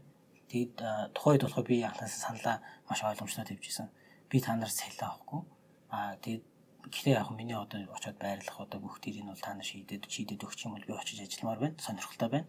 Тэгээд цалин авахгүй гэхдээ тэрийг яаж шийдэх вэ гэхээр дадлагын хичээлийн гэрдийг тавнаа гэж тэгж шийдэжсэн. Тэгэн гут нүг оюутан чи өөрөө ирмэлцэлтэй тэгээд одоо үнэхээр яг дадлагын хичээлийн гэрдийг тавах тийм боломж байна гэдэг би өөрөө ингэ санал тавиад байгаа болохоор ингээл тавиад исэн болохоор за за чамаа гэдэг нэг нэг зүүн нэжлүүлээ гэдэг тэгэд ажил болж байсан. Түүнээс тэдний төлөвлөгөөнд ерөөс энэ зүүн дадлага үйд нь авч юм уу тийм төлөвлөгөөс байгаагүй. Тэгээ ер нь бол яг ингээд за ингээд тэг ийм ийм боломжийг одоо би тэг өөрөө олж харж байна тэг өөрөө олж харлаа. Тэг ийм боломж байна та нар ч гэсэн ийм боломж байна би бас туслаа юм услаа гэд тэгж байгаа тэг очиод дадлага хийж исэн. Тэг Аризона мууж болохоор амар халуун говьос бүр амар халуун бүр бол бараг юу ч шиг санагдав. За одоо тэгвэл хоёлаа яриагаа одоо гадаадд нөгөө сурж байгаа залуучууд чинь сурж явах хугацаанд эргээд нөгөө нутаг уцхаас өмнө амралтаараа аль болох а тухайн улс орныхоо хотуудаар аялаад үзчихье тий бас зардал хэмнэ гэдэг утгаар одоо найзтайгаа ярихаар тийм л зүйл ярьдээ шүү дээ. За энэ зууны амралтаар энэ өвлийн амралтаар би тийш явна тэр хот руу аялж үзнэ гэж бодож байгаа гэдэг. Тэр мэдээж 4 жил сурсан хүн чинь бол Америкийн нэгдсэн улс тэр дундаа өмнөд Америкаар бол аялсан баг тэр орчмын хотуудаар явсан баг гэж бодож байна. Тэгэхээр тэр боломжийг яаж үрдүүлж яасан за зарим нь бол өөрөө сайн дураар явсан баг. Тэгэхээр тэр аялсан гой түүхэдтэй хаваалцаач. Тэгэд э, миний аягүй олон юм амжуулсан юм гэж боддог хийжсэн шүү дээ тий. Одоо ботхоор аягүй яаж хийгээд исэн гэж санагддیں۔ Тэгээд зөвөр миний мэрэгжлийн онцлог бас байх шиг байна.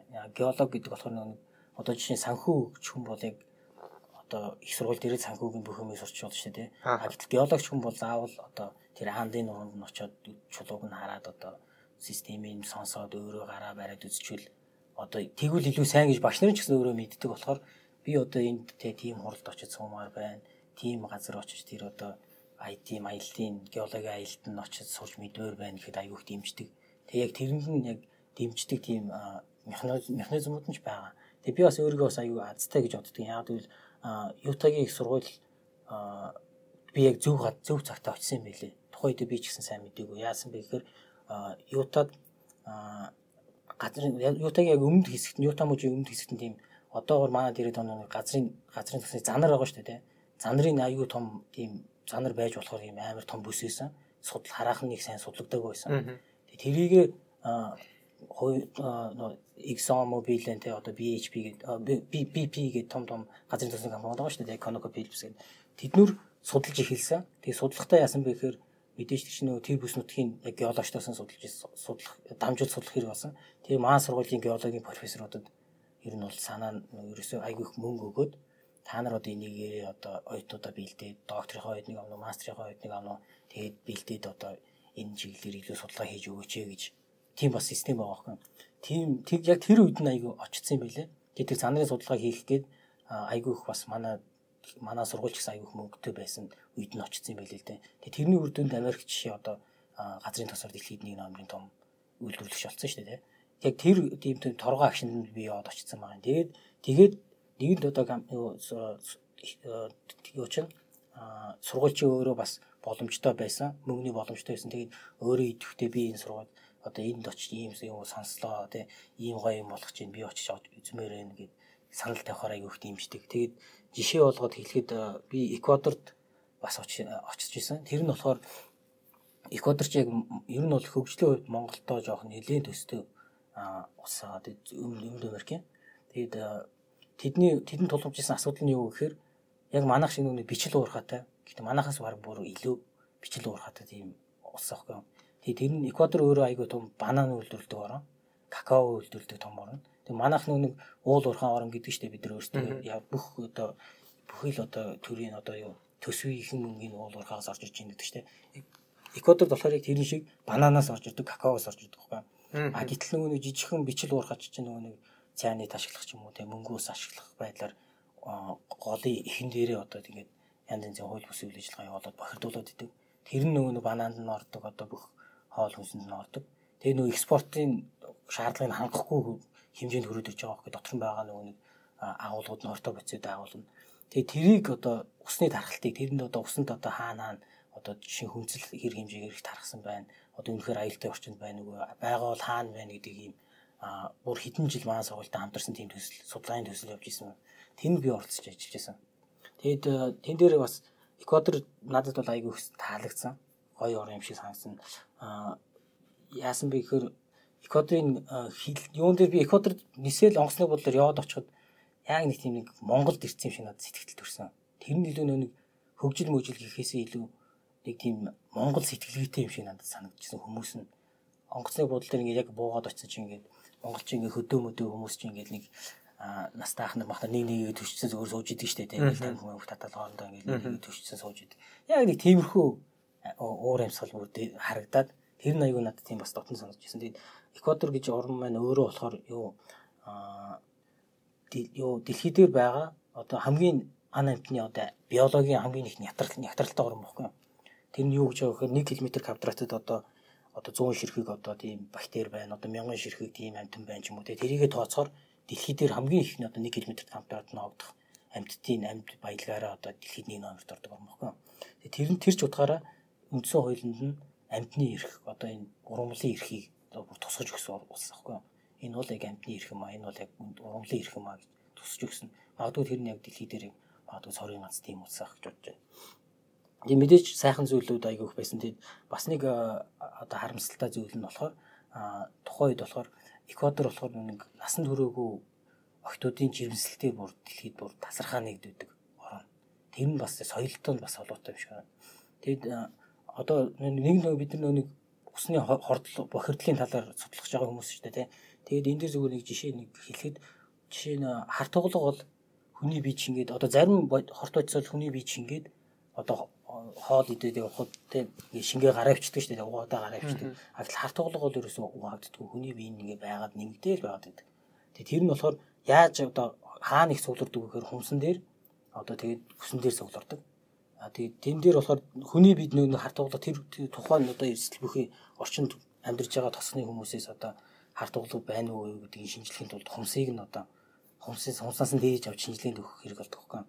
Тэгээд бид бид нэг хумсаа ингээд хумс цуглуулна гэх чаашинтай гэхдээ хумсаа ингээд хүмүүсээс очиод ингээд хүмүүсийн авч хумсаас өгөөч ийм ийм ач холбогдолтой байгаамаа гэд авч исэн.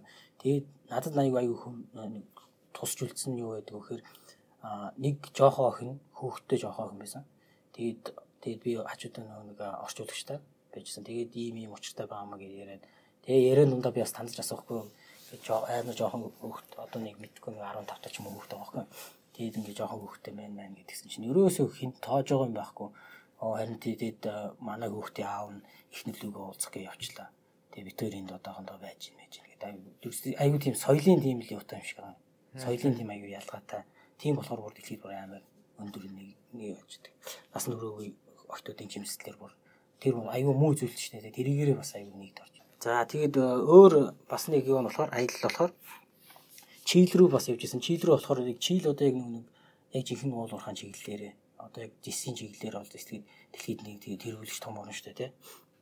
Тэгээ чийл рүү очиж бас яг тэр зэсийн төрлийн одоо энэ оюутлогоо төстэй юм порфирийн ордууд яаж үүсдэг бэ гэдэг талаар яг жинхэнэ нэг геологч талаас судлах тийм судалгаанд. Одоо SEG гэж ярьдгийн манай мэрэгжлийн Монголд байгаа яг геологчд маань SEG гэж ярьдаг Society of Economic Geologists гэдэг тэнд би маань сургуулийн Сегийнх нь одоо холбооны тэргүүн байсан бохоо. Маань сургууль дээр. Яг тэр шугамаараа холбогдоод Сегийн сургуультанд явж исэн бүр аюу техникийн техникийн мэдлэг болох сургуульд явж исэн. Тэгээд мэдээж Чилийн талаар манай хүмүүс ер нь бол монголчууд манай аюу их мэддэг баг. Нөгөө нэг уул уурхаан одоо уул уурхаг сайн хөгжүүлсэн орны загвартай. тэрийгээр одоо айгүйх мэдж байгаа. Тэгээ намайг очиод нөгөө Чуки Камата гэдэг аюу одоо дэлхийн хамгийн том илүү урхаал та.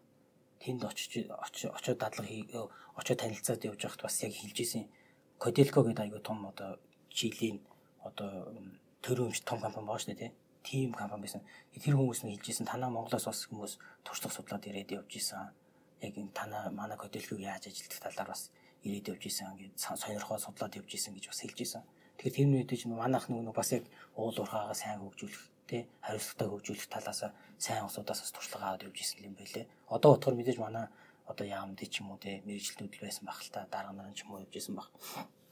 Тэгэд надад чийлд одоо нэг гоё тусч үлдсэн юу байдаг байсан бэ гэхээр дэлгүр рүү яваад оронгот дэлгүүрийн лангуун дээр байсан бүх одоо одоо юунж бод юунж юм те бүхэл одоо идэх уух одоо өмсөх зүүх бүх юм л бүгд чийлд үлдүүлсэн байсан. Надад тэр нь бүр амар онцгой санагдсан. Америкт ч гэсэн одоо яваад ороход дэлгүүр яваад ороход энэ тэндээс импортлж ороод аягүй хөтгдөг юм байна те. Чийлд болохоор ерөөсөө бараг л одоо барайл авсан нэг шоколад нь чийлд байж идэг, винон чийлд ч юм уу тийм бүх бүтээгдэхүүн нь одоо чийлд үйлдвэрлэгдсэн байсан. Тэр нь надад аюу гой санагдсан. Яагаад гэвэл бид нар нэг уул уурхаагаа төрүүлж хөгжүүлээд тэгээд тэрнээсээ олж ирсэн орлогоороо бусад салбаруудаа дэмжих гэдэг яг тэр нь яг жинхэнэ утгаараа хэрэгцсэн орон юм шиг надад аюу тийм гой сэтгэл төрж ирсэн. Тавуу тал нь тийм байсан. За тэгээд э, нэгэнт одоо чийл орцсон юм чинь те чийл орцсон юм чинь би бас дахиж жоохон аялжий гэж бодсон. Тэгээд э, өрөөний манай Америкт өрөөний найз маань Перу хүн байсан. Перу гаралтай яг уулуухан чиглэлээр бас сурдаг хүн байсан. Тэгээд тухайн үед яг гэртээ байж нутагтаа байж дараад тэгээд би Перу руу явж бас очиж э, айлчиж очиод Перу Перуд чи ерөөсөө үзэх юм бол нэг Мачу Пикчу гэдэг Перу чинь нэг инки эзэнт гүрний Мачу Пикчу гэдэг нь хуучин инки эзэнт гүрний нийслэл баггүй одоо тэгээд амар одоо хүмүүс бол аягүй харж исэн байгаа өндөр уулан дээр байгуулсан том нийслэл хот гэдэг байхгүй. Одоо бол орхигдсон зүгээр жуулчны зорилттой болсон. Тэгээд 1600 орчим оны үед тэр инкизм төрөн бол бүр амар хөгжлөөрөө бүр тасарцсан тухайн Европоос бүр тасраа явцсан тийм гүрэн байсан. Тэрийг бас очиж үзэж исэн. Тэгэд тэгэд Перугийн надад бас үлдсэн нэг сэтгэл нь юу вэ гэхээр Перугийн нийслэл Лима хот байгаа. Тэгээ Лима хотод би бас нэг байсан. Тэгэхэд лимон манай тэр найз маань бас нэг юу бас нэг одоо манаагаар бол нэг тийм зайсан ч юм уу нэг тийм газар л амьдэрдэг юм байл л те. Тэгээд яваад очисон гэрт нь яваад орсон гадна айгүйх амар хамгаалттай харуул хамгаалттай. Тэгээд тэр нөө нэг гой байшин гой гой гой хашаа байгаа шүү дээ хамгаалт хашаа. Тэм дээгүүрээ бүгд юм арзаар арзаар сараалж ин тортой. Тийм байсан. Тэгээд тэгээд энийг яагаад яагаад ингэ тийм бэ гэд тэгсэн чинь мөнгөтэй хөрөнгөтэй айлын хүүхдгийг сонсчих юм бол бас ингээд бас аваад ч юм уу те одоо олзолж аваад нэн тэглээд дарамтлаад байх тийм боломжтой байдаг, тийм эрсдэл байдаг. Тийм болохоор бид нар одоо одоо хэдий боломжтой гэсэн чинь амар гоё машин бас унж чаддгүй гэж байгаа юм. Хэдий боломжтой чинь гоё хувцас унж бас чаддгүй. Мөнгөн байгаад гэсэн чинь гоё харагдаад жоохон одоо мөнгөтэй харагдчих юм бол хүмүүсийн тоочонд нь ороод, гэмт хэрэгтнүүдийн тоочонд нь ороод тэгээд одоо барьцаалагдах тийм эрсдэл байдаг гэж хэлчихсэн. Тэгэхээр надад тэр нь болохоор амар тийм хүчтэй бас мэдрэмж төрүүлж исэн. Одоо ямар нэгэн байдлаар одоо бид нар Монгол ч гэсэн яг бид нар яг ямар нэгэн байдлаар хариуцлахгүй хандаад те иргэд маань хариуцлахгүй хандаад одоо яг төрийн эрх мэдлийг удирдлагыг яг гэмт хэрэгтнүүд гартаа авчих юм бол яг тийм зам руу чиглэж магадгүй юм байна гэж айгуу тийм сэтгэлдээ айх ч юм уу те яриад ийм болчихгүй л үүдээ гэсэн тийм бас сэтгэл төрж исэн. Тэгээд яг бодоод үзэхэд яг бид нар одоо ингээл амар гоё Улаанбаатар гэдэг Монголыг одоо би одоо сая Улаанбаатарын гоё ногоон хот болгох гэж мөрөөдөг мөрөөж ийн хэлжсэн дээ. Яг тэгээд яг амар гоё болоод ирсэн чинь үнэхээр тийм одоо дарамттай орчинд амьдарч юм бол тэр чинь ямар ч зориггүй зоригч нь биелэхгүй бүр ингэ утгаа алдчихж байгаа хөөх тийм. Тэр чөлөөг болчихчих тийм. Бүр ингэ хаягдмал хашигдмал байдал орчиж байгаа.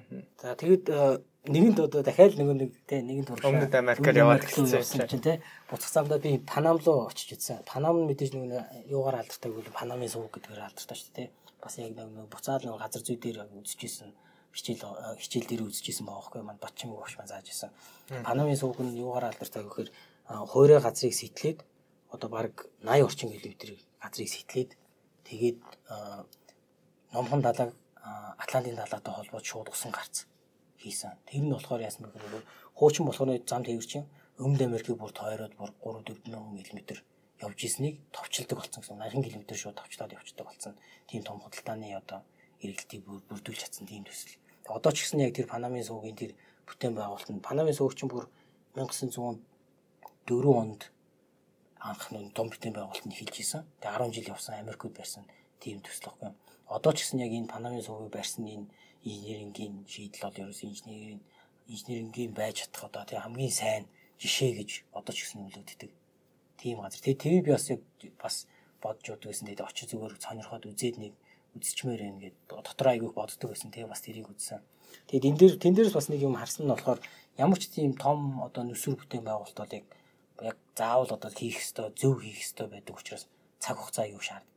Одоо Панамын сүгийг өмнө нь болохоор Францууд бас барих гэж үзэж исэн юм байлээ. Тэгээд технологийн яагаагүй зардлын дийлээгөө орхиод явж исэн. Тэгээд Америкууд барьсан. Америкууд орж барьсан. Тэгээд 10 жил барьсан байгаа. Тэгээд тийм болохоор үгүйс том төсөл бол ерөөсөө цаг хугацааг шаарддаг юм байна. Хийх ёстой минь яг зөв хийх ёстой юм байна гэдэг одоо харж ойлгож авсан юм лээ. Тэрнээс ер нь бол амар олон орнуудаар ер нь аль Америк дотор бол аягүй аялж аялж үзэж байсан. Тэгээд нэг давуу тал нь юу байсан бэ гэхээр нэг оюутнуудаа янз янзаар дэмждэг гэсэн шүү дээ. Тэнгуү шууд одоо шууд бэлэн мөнгө ч юм уу ингээд өгчихгүй. А яаж хийдэг вэ гэхээр жишээ нь ингэж исэн. Би Шинэ Зеланд руу болохоор оюутлогын тэтгэлгээс гадна би баг семестр болгоныг тэтгэлэг авдаг. Тэтгэлэг гэхээр ямар нэгэн дэмжлэг авдаг гэсэн гэсэн үг. Одоо 500 доллар байна уу, 1000 доллар байна уу авдаг байсан. Тэгээ одоо нэг жишээ зүгээр хэлэхэд Шинэ Зеландд бас би одоо бас нэг геологийн холбогдлолтой бас аялал аялал гэж яриад байгаа юм л да. Field trip гэсэн. Аялал гэхэр бүр нэг 6 цэнгэл юм шиг сонсогдоод байгаа. А яг тийм бас яг мэрэгжлийн тийм сургалтанд явж исэн. Тэрэн дээр болохоор би яаж исэн бэхээр ерөөсөө замын зардлаа төлөвлөдөг тийм бас сонголт байсан. Аа. Тэтгэлэг. Гэхдээ надад бэлэн мөнгө ерөөсөө өгөхгүй.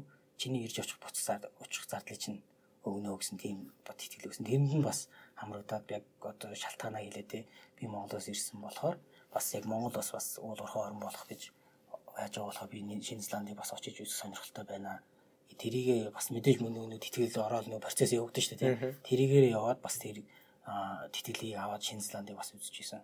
Тэгээ Шинэ Зеландд болохоор Шинэ Зеланд нь юугаараа мэдээж хүмүүс бол айгүй сайн мэддэг баг гэж бодож байна. Гэхдээ Шинэ Зеландын нэг онцлог зүйл нь болохоор Шинэ Зеландын нийт энергийн одоо 80% нь а юу гэдэг нөхөс сэргээгдэх эрчим хүчнээс харгаж авдаг. Тэгэхээр нөө газрын дулааны геотермал энерги гэдэг чинь тийм газрын дулааныг ашигладаг энерги нь одоо яг дэлхий дээр байгаа Исланд шинжилгээнд хоёр бол тэрийгээрээ аягүй сайн баггүй. Геологийн орчин ч гэсэн нөхцөл ч гэсэн яг тийм байна. Тэгээд ус юуны усан сахилгын станц аягүй ихтэй. Тэгээ тэрийгээр аягүй их алдартай. Ер нь бол тэрийг судлах гэж бас явж байсан. Тэгээ Шинзланд бол мэдээж одоо хөгжлийн хувьд бол амар сайн хөгжил хөгжсөн. Цаг уурын хувьд ч гэсэн айгүй амьдрахад таатай газар юм лээ. За тэгвэл маш олон улс их орно аялж идсэн. Тэгэхээр 4 жилийн хугацаанд бол нэлийн үр дүнтэй ашигласан. Яг сая болоор ингээд сонсоод байжхад кино үзэж байгаа юм шиг байлаа л та. Яг нөгөө яваад үзсэн өөрөө сонсчоод нүдэрээ очиод үзсэн хүнээс нь тэр яриаг сонсох бол бас арай өөр мэдрэмжтэй ярьдаг юм байна. Яг л ингээд нэг кино нүдэнд ингээд дүрслэгдэжээ л. Тэгэхээр маш гоё халуухан яриа гоё ингээд аялж үзмээр бүр санагдтал тийм гоё яриарсан яриаг сонсогч бид бүхэн таваалцсанд маш их баярлалаа. За цааш нь яриагаа хоёлаа сургуулаа төгсөөд Монгол эх орондоо ирсэн тэр цаг мөчийн тухай ярих гэж бодож байна. Яриаг нь сонсоход бол мэдээж сургуулийг амжилттай төгсөн мэдээж амжилттай суралцж байгаа оюутанд л энэ олон боломжийг судалгааны ажил хийх, гадаадаар явж тэр хурал семинарт оролцох тэр болон боломжоор хангасан байх гэж бодож байна. Сургууль нь ч өөрөө Тэгэхээр төгсөөд гадаадад э, Америкта үлдээ тэндээ ажиллах боломжууд бол маш их байсан байх гэж бодож байна. Тэгээ тэр боломжуудынхаа олдож ирсэн боломжийнхаа тухай яриад тэгээ чухам яагаад Монгол эх орондоо эргэж ирээд төгсөөд өөрийн тэр олон улсад эзэмшсэн чухал ур чадвараа эргээгээд үнц нь Монголдо өгье гэж зориг гаргаад сургуулаа төгсөө шууд ичсэн бай. А ер нь бол Америкт нэгэнт одоо тентгийн боловсрол боловсролыг эзэмсэн юм чинь тэнд бол ажиллах бол ер нь бол ямар ч нээлттэй л те. Аа тэгээд мэдээж Америкийн уул уурхай бас ярьцангуй сайн хөгжсөн. Тэгээд Юта манай Юта мужийн хажууд Невада гэдэг муж хийсэн. Тэр нь болохоор Америкийн алтны үйлдвэрлэлээр бүр хамгийн том ордохгүй. Ерөөсөө л алт нь Америкийн төв банкнд хариуцлагч байгаа Америк алт бол ер нь баг тэр мужаас очдог. Тийм. Тэгээд би нөгөө нэг эдийн засгийн геологийн оюутны холбооны тэр хүн хийжсэн шүү дээ. Тэр ч утгаараа би тэр Невада мужи руу хэд хэдэн удаа очиад компани хүмүүстэй нуулзаад оюутнуудын хооронд арга хэмжээ зохион байгуулалт явуулж исэн. А тэгээд мэдээж тэр боломжоо одоо тэг холбоо хэлбэгийг ашиглаад ажиллах ажиллах боломж болдог дүүрэн байсан. Алтны урахад ер нь бол ачаад ажиллаж боломжтой байсан. А тэгээд мэдээж би нөгөө өвтгээс явахдаа Монголоос явахдаа тэтгэл авахдаа би Монгол ирж ирж ажиллана гэсэн амлалт өгсөн. Амлалт өгсөн тий. А тэгээд тэр нь надад үнэхээр өөрөө аягүй чухал байсан. Надад яг нэг хэлсэн үндэ хүрээд босож ирэх нь аягүй чухал байсан мэдээж одоо би тэндээ очиж ингээл ингээд ажилтсан бол намайг хойноос ингээл хөөгөл илдээд байхгүй л байсан баг л та. Гэхдээ би яг нэг амлцсан би энэ одоо компани одоо тийм юугаар тэтгэлгээр яваад ирчихсэн. Болохоор би эндээ буцаж ажиллах хэрэгтэй гэсэн бас нэг яг миний өөрийн чинь бас ирмэлзэл байсан болохоор би шууд буцаад ирсэн. Ерөөсөө тэгж одоо ажил ажлыг дадлах хий бидээ үрдүүлж одоо үзээд алдаа гэсэн ерөөсөө тийм бодол байгаагүй. Тэгэд энэ дээр бас нэг юмыг бас тодруулж хэлэхэд оюутлага компани тэтгэлэг авсан гэл одоо би айгүй гоё ярьж штэ тэ ингээл энэ бол бас өөрөө айгүй тийм бас боломжийн яг нөхцөл бүрдсэн тийм нөхцөл нөхцөл бүрдсэн учраас би бас энийг азтай авсан гэж боддог. Яагаад вэ гэвэл чи бол оюутлогод ажилтдаг бол мэдж байгаа тийм нэг оюутлогонд ордыг нээсэн гарамжууга бүр хамбог цомд бүр 1000 юу 1980 оны ихээр хамбог цомд анх нөгөө нэг газрын зургийг хамбогдын орчмыг сансраас авсан зургийг харчаад энэ хэвд сонирхолтой газар байна энийг судалмаар байна гэж ирж судалж исэн анх бүр 83 онд ирж судалж хөл тавьж судалж исэн газар гэж юм. Мэдээж тэр үед болохоор хинч мэдээж байгаагүй бах тэг зүү зүйл ажиллаж исэн бах.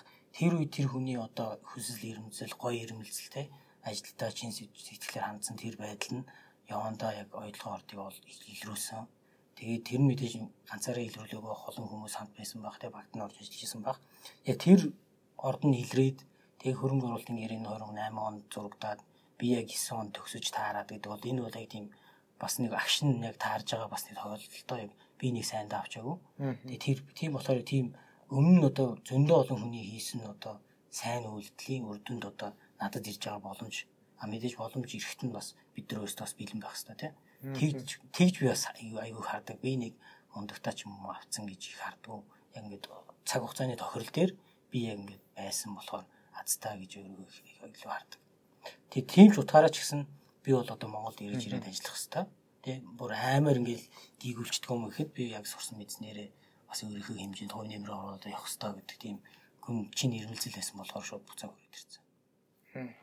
За 2016 онд дөнгөж төгсөж ирж ирээд энэ идэвхтэй амьдралын хэм маягаасаа ирээд бол салчааг авах шууд ажилд орол өдөр тутам ажиллаа хийгээд явааг авах. Тэгэхээр энэ идэвхтэй амьдралын хэм маяга цааш нь яаж үргэлжлүүлсэн бэ? Одоо сайн дурын ажил гэдэг юм уу? Нийгмийн нийгэмдэх залуучуудын оролцоонд өөрийнхөө одоо хувь нэмэр тэр оролцоогоо яаж хангаж байсан? Ирээд бас ямар ямар адал явдлыг эх орондоо бас өрнүүлж байна. Аа тэгэд 2016 онд ирсэн. Тэгэд хүүгээс одоо санаж байгаа 16 онд Монгол нөгөө нэг бас нэг том арга хэмжээ болсон. ASEM-ийн хурал гэж болсон шүү дээ тий. Тэр нь яг ASEM гэж яриад байгаа боловч тэр нь Ази Европын сан гэдэг Ази Европын 54 улсыг игнэнд нэгтсэн том байгууллага. Тэрний одоо нэг албан ёсны дээд хэмжээний уулзалт нь Монголд болсон шүү дээ тий. Тэгэхэд Монгол улс маань өөрөө нөгөө нэг хүлээж авч байгаа арга хэмжээг зохиож байгаа улс гэдэг утгаараа 50 Монгол залууг одоо аваад тэгээ тэр арга хэмжээнд оруулж исэн бус тусаас болохоор 50 бусад 53 улсаас болохоор 2 2 төлөөлөгч оюутнууд залуучууд ирээд тэгээд хуралдаад одоо энэ арга процессын талаар те дипломат харилцааны талаар сураад хоорондоо найзууд болоод хөрлөөд явж исэн. Тэгээд тэр ASEAN-ийн хуралд би тэр 16 онд орж исэн. Тэгээд тэр Аз Европын сангийн хүмүүстэйгээ ер нь энэ процесс ийм байд юм байна те ийм тэнд ийм ийм арга хэмжээ зохион байгуулалт байгуулдаг гой байгууллага юм байна гэж мэдээд тэгээд яг надад 17 онд нь Мянмарт болсон гадаад иргэдийн сайд нар сайд нарын уулзалтанд бас залуу хүн Монголд улсыг бас төлөөлөөд бас боломж олцсон. Тэгээд би ганцаараа яваагүй өнгөр зурж исэн оюун чимэг гээд өсгөө бас өнгөрөөс шууд Мянмарт нисч ирээд тэгээд Монголоос хоёр хүн төлөөлөгч очиж исэн. Тэгээд Мянмарт очиод бас яг тэр нэг гадаад иргэдийн сайд нарын уулзалтыг ажиглаа тий. Яг тэр процессд нь ороод бас явж исэн. Тэгээд Мянмарт бол нэг ажиглагдсан юм болохоор Мянмарын талаар ер нь бол Мянмар гэхээс илүү монголчууд бол буурам ус, бирэм ус гэж аюух мэднэ. Яг түүхэнд бол бирэм биэрэмчүүд гэж ярьдаг тийм. Бирэм бирэм байгаа. Тэгэд 2010 он гарахад дэлхий дээр ерөөсөө хоёр хан улс л одоо бус гадагш ерөөсө хаалттай байсан. Хойд солонгос байсан. Тэгээд Мянмар байсан. А тэгээд Мянмар болохоор 2011 онд ардсан юу систем рүү шилжсэн шүү дээ. Тэгээ хуучин нөгөө нэг коммунистаас юу цэргийн удирдлагатаа засгаа халсан. Тэгээ Ансан Сучи гэдэг эмхтэй бүсгүй байгаа шүү. Одоо бүсгүй чи эмхтэй байгаа шүү тий. Аюу алдартай. Одоо Нобелийн шагналтай хүн байгаа шүү дээ. Тэр хүний тэмцэл 10 хэдэн жил, 20 жил, 10 хэдэн жил одоо гистэй хоригдож тэмцэл явсан тий. 20-нд орж исэн тэр тэмцэл нь ялаад тэгээд Минвар ерөнхийдөө арчсан ус болсон. Аа тэгээд Ансан Сучи одоо яг юун тэр илүү шүүмжлүүлдэг вэ гэхээр тухайн хурлын гол зорилго ч гэсэн ерөнхийдөө тэнд байсан. Сонсогч маань зарим хүмүүс бол мэдж байгаа. Аа Мянмарт юу болж байгаа? Яг одоо ч гэсэн болж байгаа сүүлийн хэдэн жил болж байгаа процесс нь болохоор геноцид болж байгаа. Ер нь бол.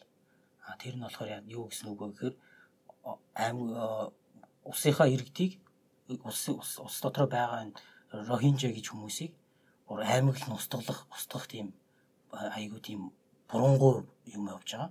Тэр бол үгээр хийж шүү те аймаг нь устгах чинь гэдэг бол одоо ингээд ийм одоо орчин цагт хамтан тайван болсон үед бол аймаг нь устгах байгаа. Тэгээд засгийн газраас нь тийм бодлого явуулж байгаа. Тэгээд э, Мянмараас одоо жишээ нь Бангладеш руу тэр аймаг нь устглаас дөрвж гарсан сая гаруй хүн байна.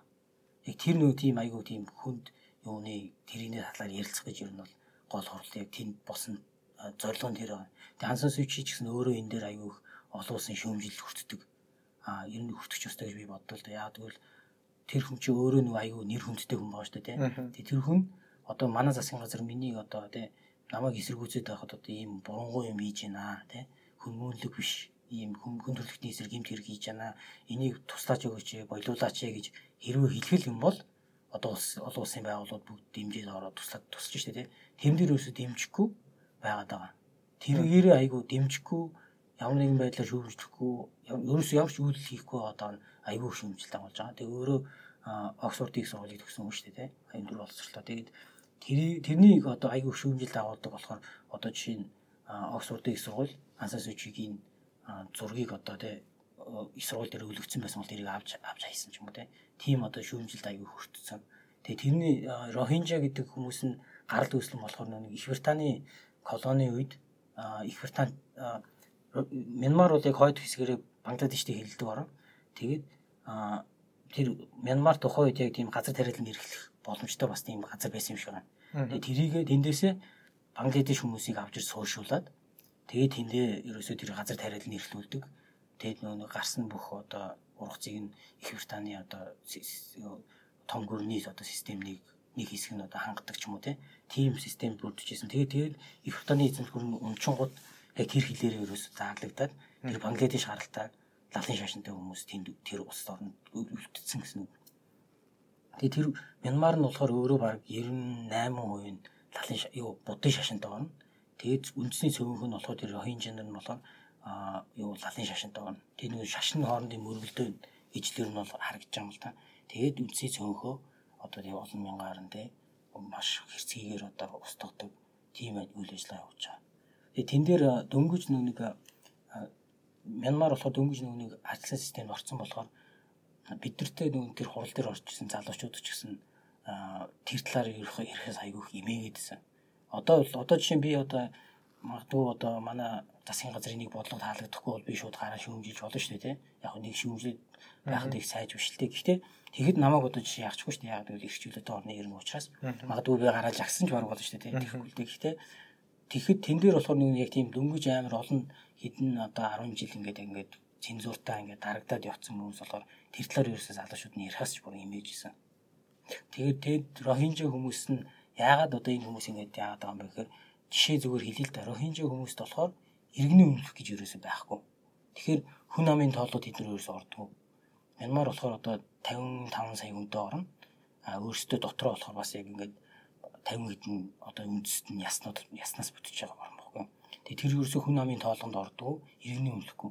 Одоо чи бодоод үзэлтэй. Одоо надад иргэний өмнөх байхгүй бол нөө тэтгэлэг мэтгэлэг цаашаа тий. Би сургуульд ч орч чадахгүй шүү дээ.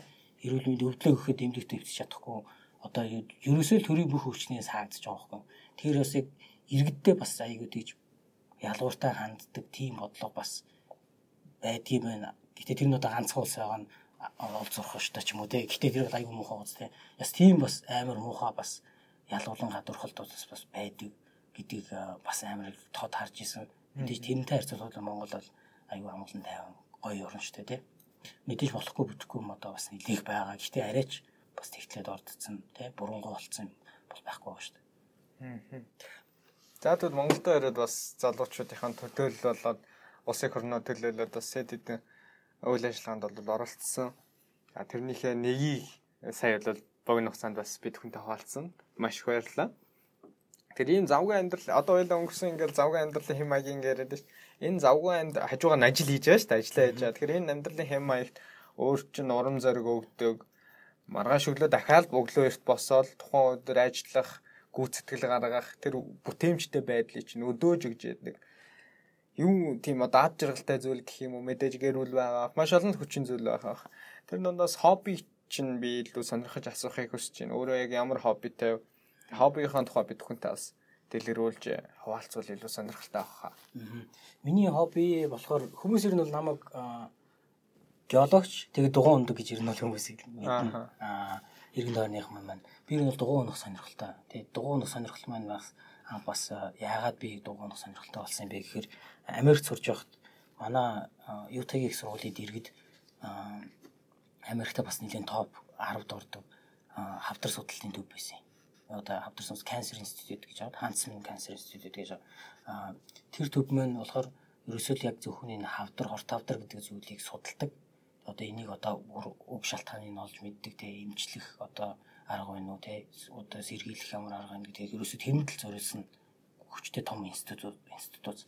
Тэгээ тэнд болохоор жил болгоно одоо Хансмин гэдэг Хансмин 140 гээд 140 миль явдаг тийм сайн дурын тийм дугуун уралд уралдаан биш л та олон хэмжээ олон хүмүүсийн одоо марафон гэж үүдэж штэ тийм сайн дураараа хүмүүс гүйдэг. Яг тэр шиг дугуун тийм холын зайн тийм аялал болдог. Тэгээд тэр одоо аялал яг яаж тэр нэг аялал яг яаж гарсан талаас талаар миний бичлэг үзээд тэг надад бүр амар дотн тийм нэг хүчтэй сэтгэл төрөөд тэгээ би ер нь бол дугуй унахаа шийдэжсэн. Тэр нь яасан бэ гэхээр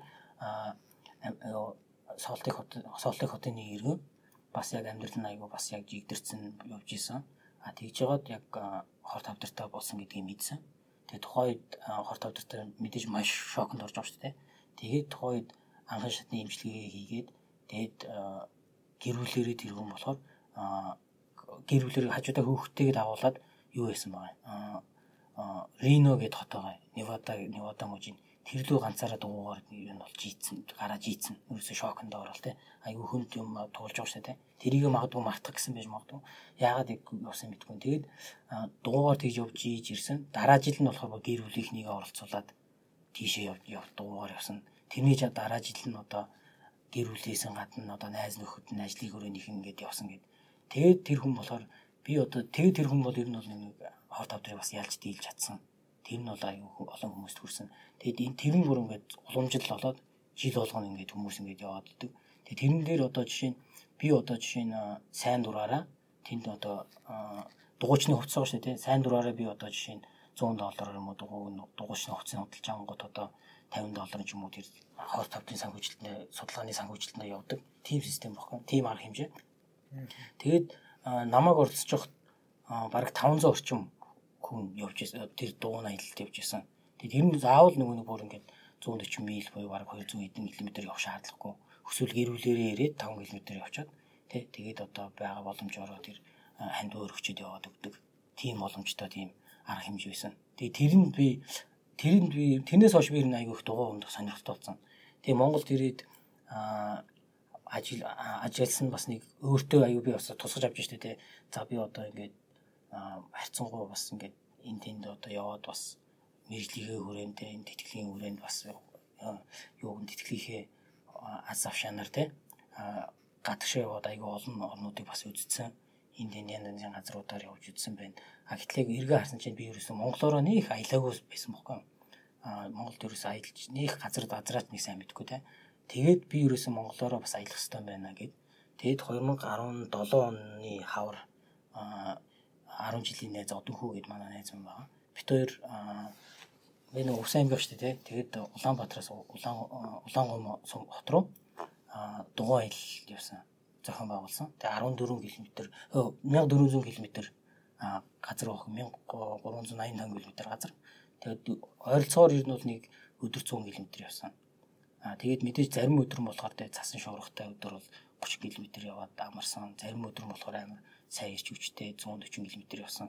Гэт гихвит шин гэдэг яваад дугуугаар аялаад тэгээд тэр аялаад амжилтаа дуусгаж исэн. Мэдээж одоо чаленжууд бол мэдлэж байсан. Тэгээ сорилтууд их байсан. Гэхдээ яг тэр Монголоо гоё үзмээр байна те би бас. Тэгээ дугуугаар аялах юм бас нэг гоё нь болохоор нэг машин цугаа явах юм бол харанхуй шин ч гэсэн яваад идэг дээ те. Дугуй болохоор харанхуй шин явдаг. Дандаа өдөр явдаг болохоор яг нэг уул усны байгаль те яг тэрийг дандаа байн харж явдаг болохоор тэр нь бас надад юу бас гоё байдаг. Тэгээд ер нь бол тэгээд аяллаа бас зорилго нь болохоор бас юу байсан анх би нэг тэр амар их хөвчт ирж байгаа шүү дээ тэгээд одоо манай хүмүүс л бол мэдж байгаа Монгол нөгөө нэг дурангийн хагалгаа чи одоо айгу төгөөбөл болсон шүү дээ тий дурангийн хагалгаа тэр нөгөө нэг юу зардал багтаа одоо гидсийг амар томор одоо онгойлохгүйгээр хийдэг дурангийн хагалгаа байгаа шүү дээ тий тэрийг одоо Монголд амжилтаа нэвтрүүлсэн. Одоо хүмүүс бол баг мэдэх бахтаа сэргэлэн доктор гэдэг хүн байгаа мисас гэж алдартай хүн байгаа. Тэгээд бат өргөл гэдэг. Ер нь бол айгу олон хүмүүс байгаа том баг л ажиллаж байгаа хэл та. Миний мэдэн тэрээр. Тэгээд тэр хүмүүс болохоор Монголд дараагийн төслөө хэрэгжүүлж байна. Тэр хүмүүс нь тэр дурангийн хагалгаа Монголд ерөөсөө амжилттай хэрэгжүүлсэн. Тэгээд тэр тэрнээсээ дэлхийн эрүүл мэндийн байгууллагаас бас аюул өнөрөөс хаашаа гэжсэн. Дөнгөж хөгжиж байгаа оронд ямар нэгэн байдлаар энэ дурангийн хагалгааг нэвтрүүлэх юм бол энэ Монголд ийм амжилттай хэрэгжсэн энэ жишээг хуулбарлах ёстой гэсэн тийм бүр юм одоо рекомендац гаргаж ирсэн. Тэгээд тэр хүмүүс мөн дараагийнх нь том төсөл нь болохоор манай Ютагийн их сургуулийн бас Ray Prize, Raymond Prize гэж хүнтэй хамтраад ETLS гэж байгаа. Энэ болохоор Advanced Trauma Support, Life Support гэдэг. Энэ болохоор яг зорилго нь энэ төслийнхэн зорилго нь юу байсан бэ гэхээр хүн гэмтэл орно шүү дээ тий одоо ямар нэгэн аваар дордог ч юм уу тий. Тэгэхэд гэмтлийн эмнэлэг дээр хурцрээд эмчтүүлэх процесс чинь маш хурдан байх хэрэгтэй байна л да. Эмч бол одоо одоо бэрцсэн хүнийг хараад юм бэртцээ те яавал хурдан идэж болохыг гялсарах хэмжээ авахгүй бол нас орох магадлал айгүй өндөр өдөг. Тэгэд яг Монголд яг 16 онд болохоор яг тэр тэр зөвхөн гимтлэр мэрэгдсэн эмчнийг эмчийг өрөөсөө бэлтгэж тийм бэлтгэдэг те гимтлэр мэрэгдсэн эмчийг төгсгдөг байсан. Тэгэд энэ хүмүүсийн зорилго болохоор яг энэ одоо Монголд яг энэ хангалттай эмч нарыг сургаад багш нарыг сургаад тэгээ яг одоо яг энэ гимтлэр мэрэгдсэн эмч нарыг бэлтгэх зорилттой тийм зорилготой програм байсан. Энэ болохоор санхүүжилт нь аюу өндөр том доотой төслөөсөн.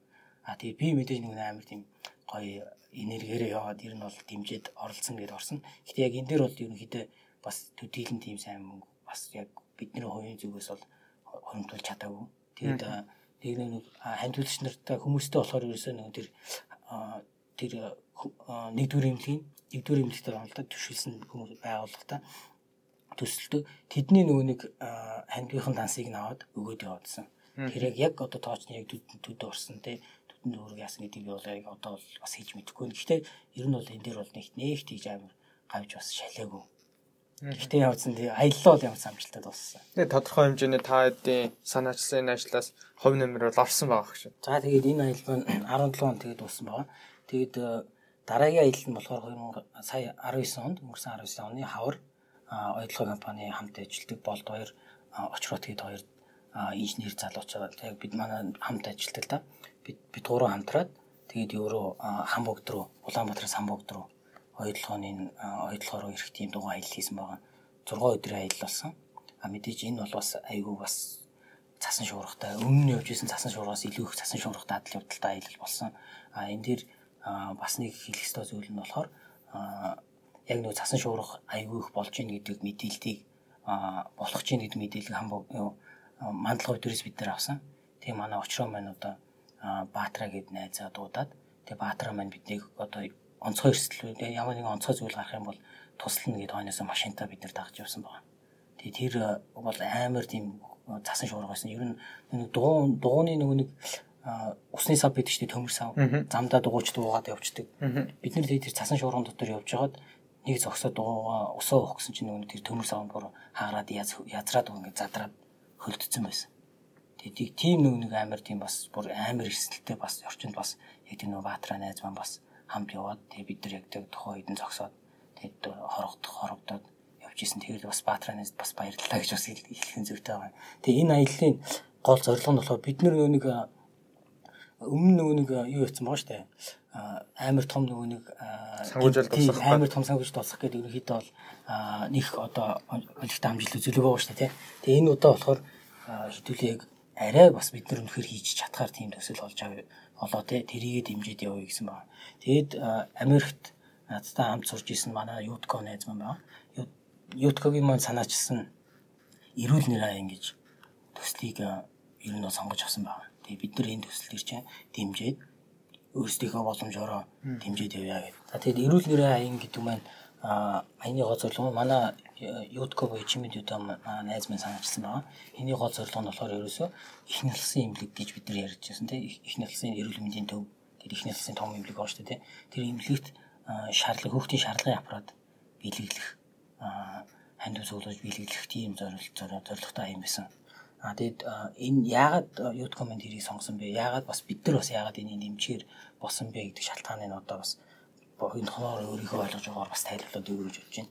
А тэгэд ер нь бол шаарлалт гэдэг маань одоо сонсож байгаа аав ээжнэр жишээ байгаа бол маш сайн мэдж байгаа хэл та байглаасаа ерөөсөө хүүхд болж нялх хүүхд бол ерөөсөө шаардлагадаг тийм процесс байгаа даа. Тэгээ шаардлагат гэдэг нь яг юунаасаа болдог вэ гэхээр одоо хоёул зөвхөн төсөөлөд үзье л.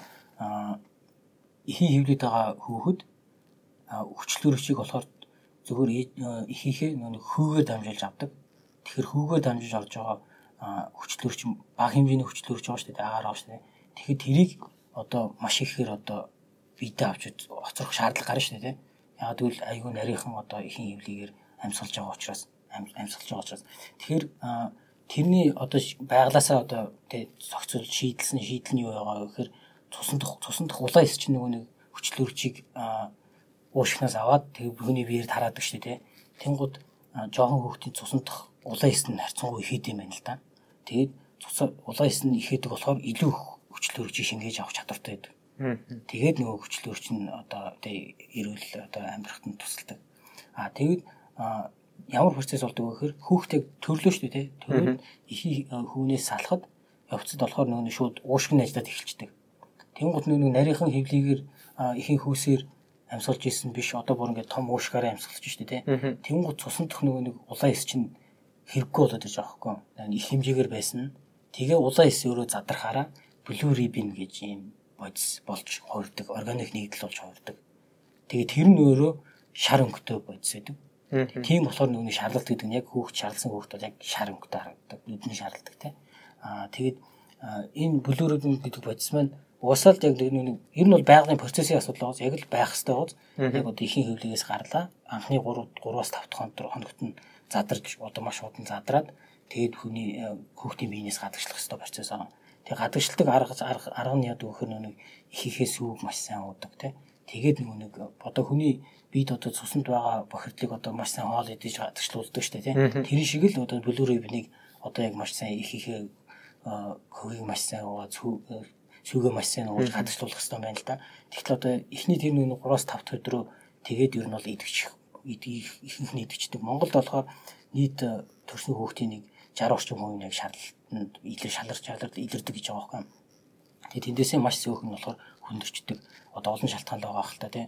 Одоо хүүхд нь унтаад идэг хөвөлж чаддгүй ч юм уу тий. Нэг бол өнөхөр сүү ороогүй ч юм уу тий. Нэг бол мдэггүй байж байгаа одоо шаардлагат хүндрэлс хүндрөөсөн тийм тохиол бас байгаа тийм олон шалтгаан байгаа. А тэгэнгүүт шаардлагат хүндэрчгээрээ шаардлагат нь бүлүүрэг нь цуснд хэтэрхий ихтэйд гадагшлахгүй болоод ирэхээрээ өөхтөө нэгдлээд нэгдээд усан дуустдаг болчдөг юм байна л да. Би энэ талаар ер нь бол би нөө эмч хүн биш үү тийм. Тэгэхээр өөрөө энэ энэ төслийг энэ аяныг би дэмжиж байгаа болохоор өөр хуваараа судалж үзсэн байна. Тэгээ нөө усан дуусгаа болтоод өөхтөө нэгдчихдэг. Тэгэхээр нөө ихээс үг хэдий их уусан байсан ч гадагшилдаг юм байна л да яг нэг ус ус усаа болчдөг. Тэгээ энэний гол шийдэл ганц шийдэл нь юу вэ гэд мэрэгжлийн эмчнэр маань зөвлөдөг ганц шийдэл нь болохоор ерөөсөө энэ шаргалын аппарат гэдэг юм байна. Шаргалын аппарат нь болохоор 450 нанометрийн долгионоор ингээд тэр бүлөөрөө бингээд тэр өөхтөө нэгдсэн байгаа нэгдлийг задалдаг. Тэгээ задалчаараа задарчаараа бүлөөрөө бин дангаараа болохоор усан дуусчдаг. Тэгэхээр нөгөө нэг хүүхдийн шийсээр гараа авчдаг, төнөрөө гараа авчдаг. Тэгж шийддэг. Өөрөөсөө ганц одоо шийдэл нь тэр. А тэгээд энэ шаардлагатыг ерөөсөө эдгэхгүй удчих юм бол цугсанд байсан нөгөө блюрибин чинь хүүхдийн тархилуу ордог. Тархилуу ороод ирэхээр тархинд нөгөө нэг юу тархинд нөлөөлж эхлээд тэгээ явандаа шууд ингээд нөгөө саажилт үүсгдэг. Тэгээ саажилт бол ингээд нөгөө бүр ингээд урт хугацааны юу штэ тэг эмгэг штэ тэг. Тэгээ саажилтыг үүсгдэг. Гэтэ энэ нь болохоор нөгөө шарлагын аппаратыг яг үнэхээр байгаа үед нь яг ашиглах юм бол 100% одоо юу гэж болохоор үрдсэн сэргийлж болохоор юу ихгүй эмгэг ихгүй. А гэтэл Монголд болохоор одоо 2016 оны оны одоо мэдээлэлээр болохоор 1600 орчим шаардлагатай хүүхэд байгаа. А тэгээ бидний энэ аяны бас энэхээр яг нэг зорсон зорилго нь юу вэ гэхээр энэ 6 1600 хүүхдийг тоог нэмэхгүй. Тэгээ аль болох одоо олон ээжнэр хүүхдүүдээ аав ээжнэр хүүхдүүдээ энэ шаардлагатаас нь эрт тэ эмчлээд яваасаа гэсэн тийм зорилготой яасан. Тэгээд энэ энэ аяныг бид нар эхлүүлэхэд их нэфс маань болохоор нэг 20 арай хүрэхгүй 18 орчим юу гэсэн шаардлагын аппарат байсан. Тэгээ одоо энэ өнгөрсөн 18 оны намар манай Ютко маань санаачсан байна. Тэгээ бид нар нэг нэгдэж ороод хэмжээд явсан. 58 маань чи чи гэсэн бас бид нар туссан шүү дээ тийм. А энэ энэ зочинд бас баярлалаа гэж хэрэгтэй баг. Танаа зөвхөн 50-аа тэгээ зохион байгуулсан хүмүүсийн дуу хүмүүс орсон тийм. Бас баярлалаа гэж хэлсэн баг. Тэгээд одоогор бид болохоор 7 аппаратыг их насд хандвалсан байгаа. А тэгээд их их төв сөүлэл гэдээ бас газар байгаа. Тэр газарт бас яг одоо төстэй аппарат эвдэрсэн байгаа гэсэн аппаратыг бас засч өгсөн. Тэгээд бидний зорилго болохоор 10 аппаратыг ер нь бол их налхас өгнө гэсэн зорилготой байсан. Тэгээд 7 аппаратыг биелүүлж чинь нэг 10 хэдэн аппараттай байсан эмнэлэг дээр 7 аппаратыг нэмчихээр ерөнхийдөө хүчин чадал нь одоо 30 32 нэмж гин гэсэн үг л дээ. Тэгээ бид нар бас айгүй тийм эерэг гоё ингээд ингээд айгүй эргэхэд энэ төслөө ингээд цаашаа улам хэрэгжүүлэе гэж боддог тийм энерги өгдөг хүч өгдөг зүйл нь юу гэхээр одоо өмнө нь нөгөө нэг их насс дээр очиж анхны хүүхдээ ч юм уу тэ очиод ингээд төрүүлээд хүүхдний шаарлаад оочрлоод тэгээ нөө том төгөрөж хөрөлцөө муутай байдаг. Тэгээ нөө нэг хүүхд нь унтцдаг. Тэрийдээ бүр ингээд дийжнэр нэгэд өөртөө ч унтаж чадахгүй ингээд бүр амар очир өсгөж ижил очиж яад юм л да шаруулдаг гэсэн юм л да. Тэгээд имжтүүлдэг. Тэгээд тэр очиод дараал нь ерөнхийдөө бүр бур байхгүй болов. Гэхдээ хацсангуу багассан гэж байгаа эмчнэраас нь ч гэсэн тийм одоо тийм айгүй тийм эерэг юунууд ирж байгаа. Манай одоо хамт ажилладаг хүмүүс байна тий. 90 дойрныхан маань ч гэсэн одоо 3 дахь хүүхдэд өвлөх гэдэг яваад очсон чинь нөгөө нэг ачаал мачаал нарцсангуу багассан байна. Та нарын хийсэн юм чинь бас үр дүн гарсан байна гэд. Айгүй тийм эерэг юунууд айгүй фидбек айгүй авч байгаа. Тэгээ энэ нь болохоор бид нар бас ингэж харсан аа Монголд энэ асуудууд айгүй их байгаа шүү дээ тий. Том том асуудууд одоо утаа мутаа ч юм уу төвжүүлсэн амар том асуудууд том том одоо санхүүжилж чарна те. Гэтэл энэ асуудал болохоор магадгүй одоо маш бага одоо мөнгөөр бүр ингээд бүр том хэмжээний юм хүний одоо насан туршийн эрүүл мэндтэй холбоотой асуудлыг шийдэж байгаа. Тэг одоо юу нь багта одоо мөнгө нь багта боловч цаатлын үрдэн нь аягүй өндөр.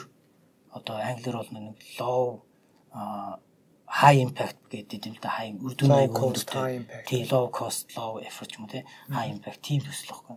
Тэгэд бид нар энийг ер нь бол дэмжиж тий одоо явж байгаа. Тэгэд энэ хүрээнд одоо одоо болохоор одоо мэдээж 50-ны чамааг оролцуулаа тий.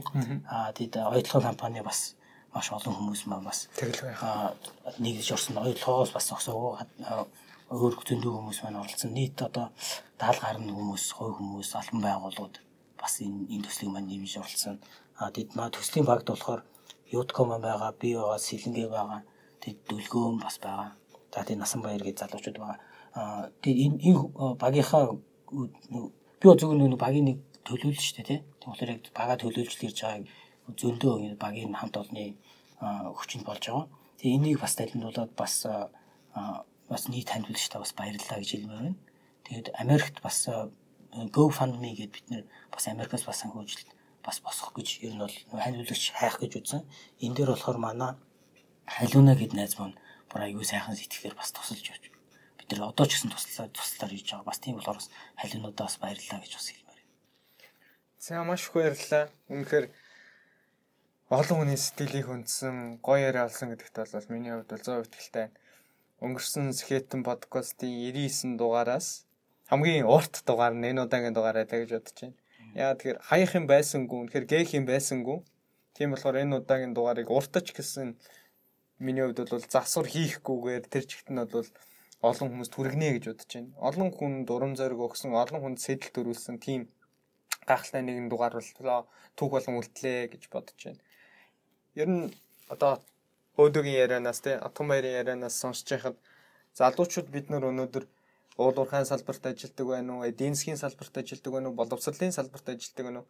Бид нар өөрсдөө нийгэмдээ болохгүй байгаа зүйлээ шийдий гэх юм бол бид нар бүгдээр л ажилтаа байгаа шүү дээ. 12 цаг ажилладаг, зарим нь 8 цаг ажилладаг. Тэгээ энэ бүхнийхээ хажуугаар бид нар энэ асуудлыг барьж аваад өөрсдийнхөө чин хүсэл эрмэлзэлээр бусдын төлөө би яаж нийгэмдээ хувь нэмэртэй залуу хүн иргэн байх вэ гэдэг тэр бяцхан хүсэл эрмэлзэлтэй хөтлөгдөөд асуудлуудыг шийдээд явж байгаа. Та хэд бол одоо хамгийн ихний маш олон лим жишээ байгаа байх л та тийм 3000 ном хандуулаад үйл ажиллагаа гэсэн биш тэгээд сүүлдээ эрүүл нэрийн зөвхөн эрүүл нэрийн аянаас өмнө тэр хамгийн анхнаас увс руу явсан дугуйн аялаар санхүүжил санхүүжүүлэлт босох гэж явсан.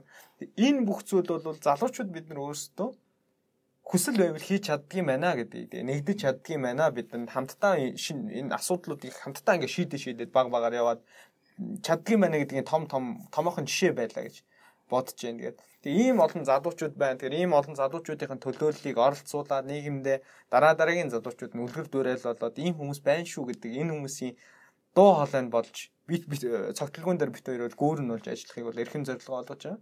Тэгэхээр бид бүхний урилгыг энэ удаа хүлээж авч энэ үнэтэй гой түүхээ хуваалцсан маш их баярлалаа.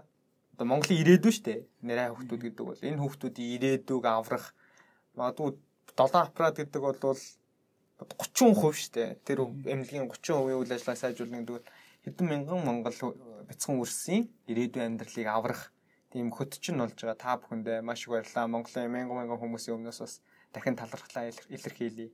Тэгээ урилгыг минь хүлээж авсанд маш их баярлалаа. За баярлалаа. Тэгээд мэдээж сая хийсэн те олон одоо жижиг жижиг асуудлуудыг чатгаараа шийдэж байгаа залуучууд байгаа. Тэрний мэдээж нэг төлөөлөл байгаа те.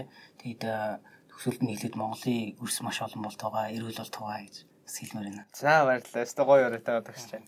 За тэгээ энэ удаагийн Skeleton podcast-ийн 99 дахь удаагийн дугаарыг дуустал нь энэ цаг 40 минутын хугацааг сонссон. Сонсогч та бүхэнд маш их баярлалаа. Хэрвээ энэ удаагийн дугаар таалагдсан бол өөрийн Instagram болон Facebook хэр олон хүн түгээх нь бол та бүхний сонирхол хүссэн өөрийнхөө суугаар та бүхэн бусдаагаа хуваалцаарай гэж хүсэж байна. Тэгээд та бүхэн өдрийг сайхан өнгөрөөсгөөрэй.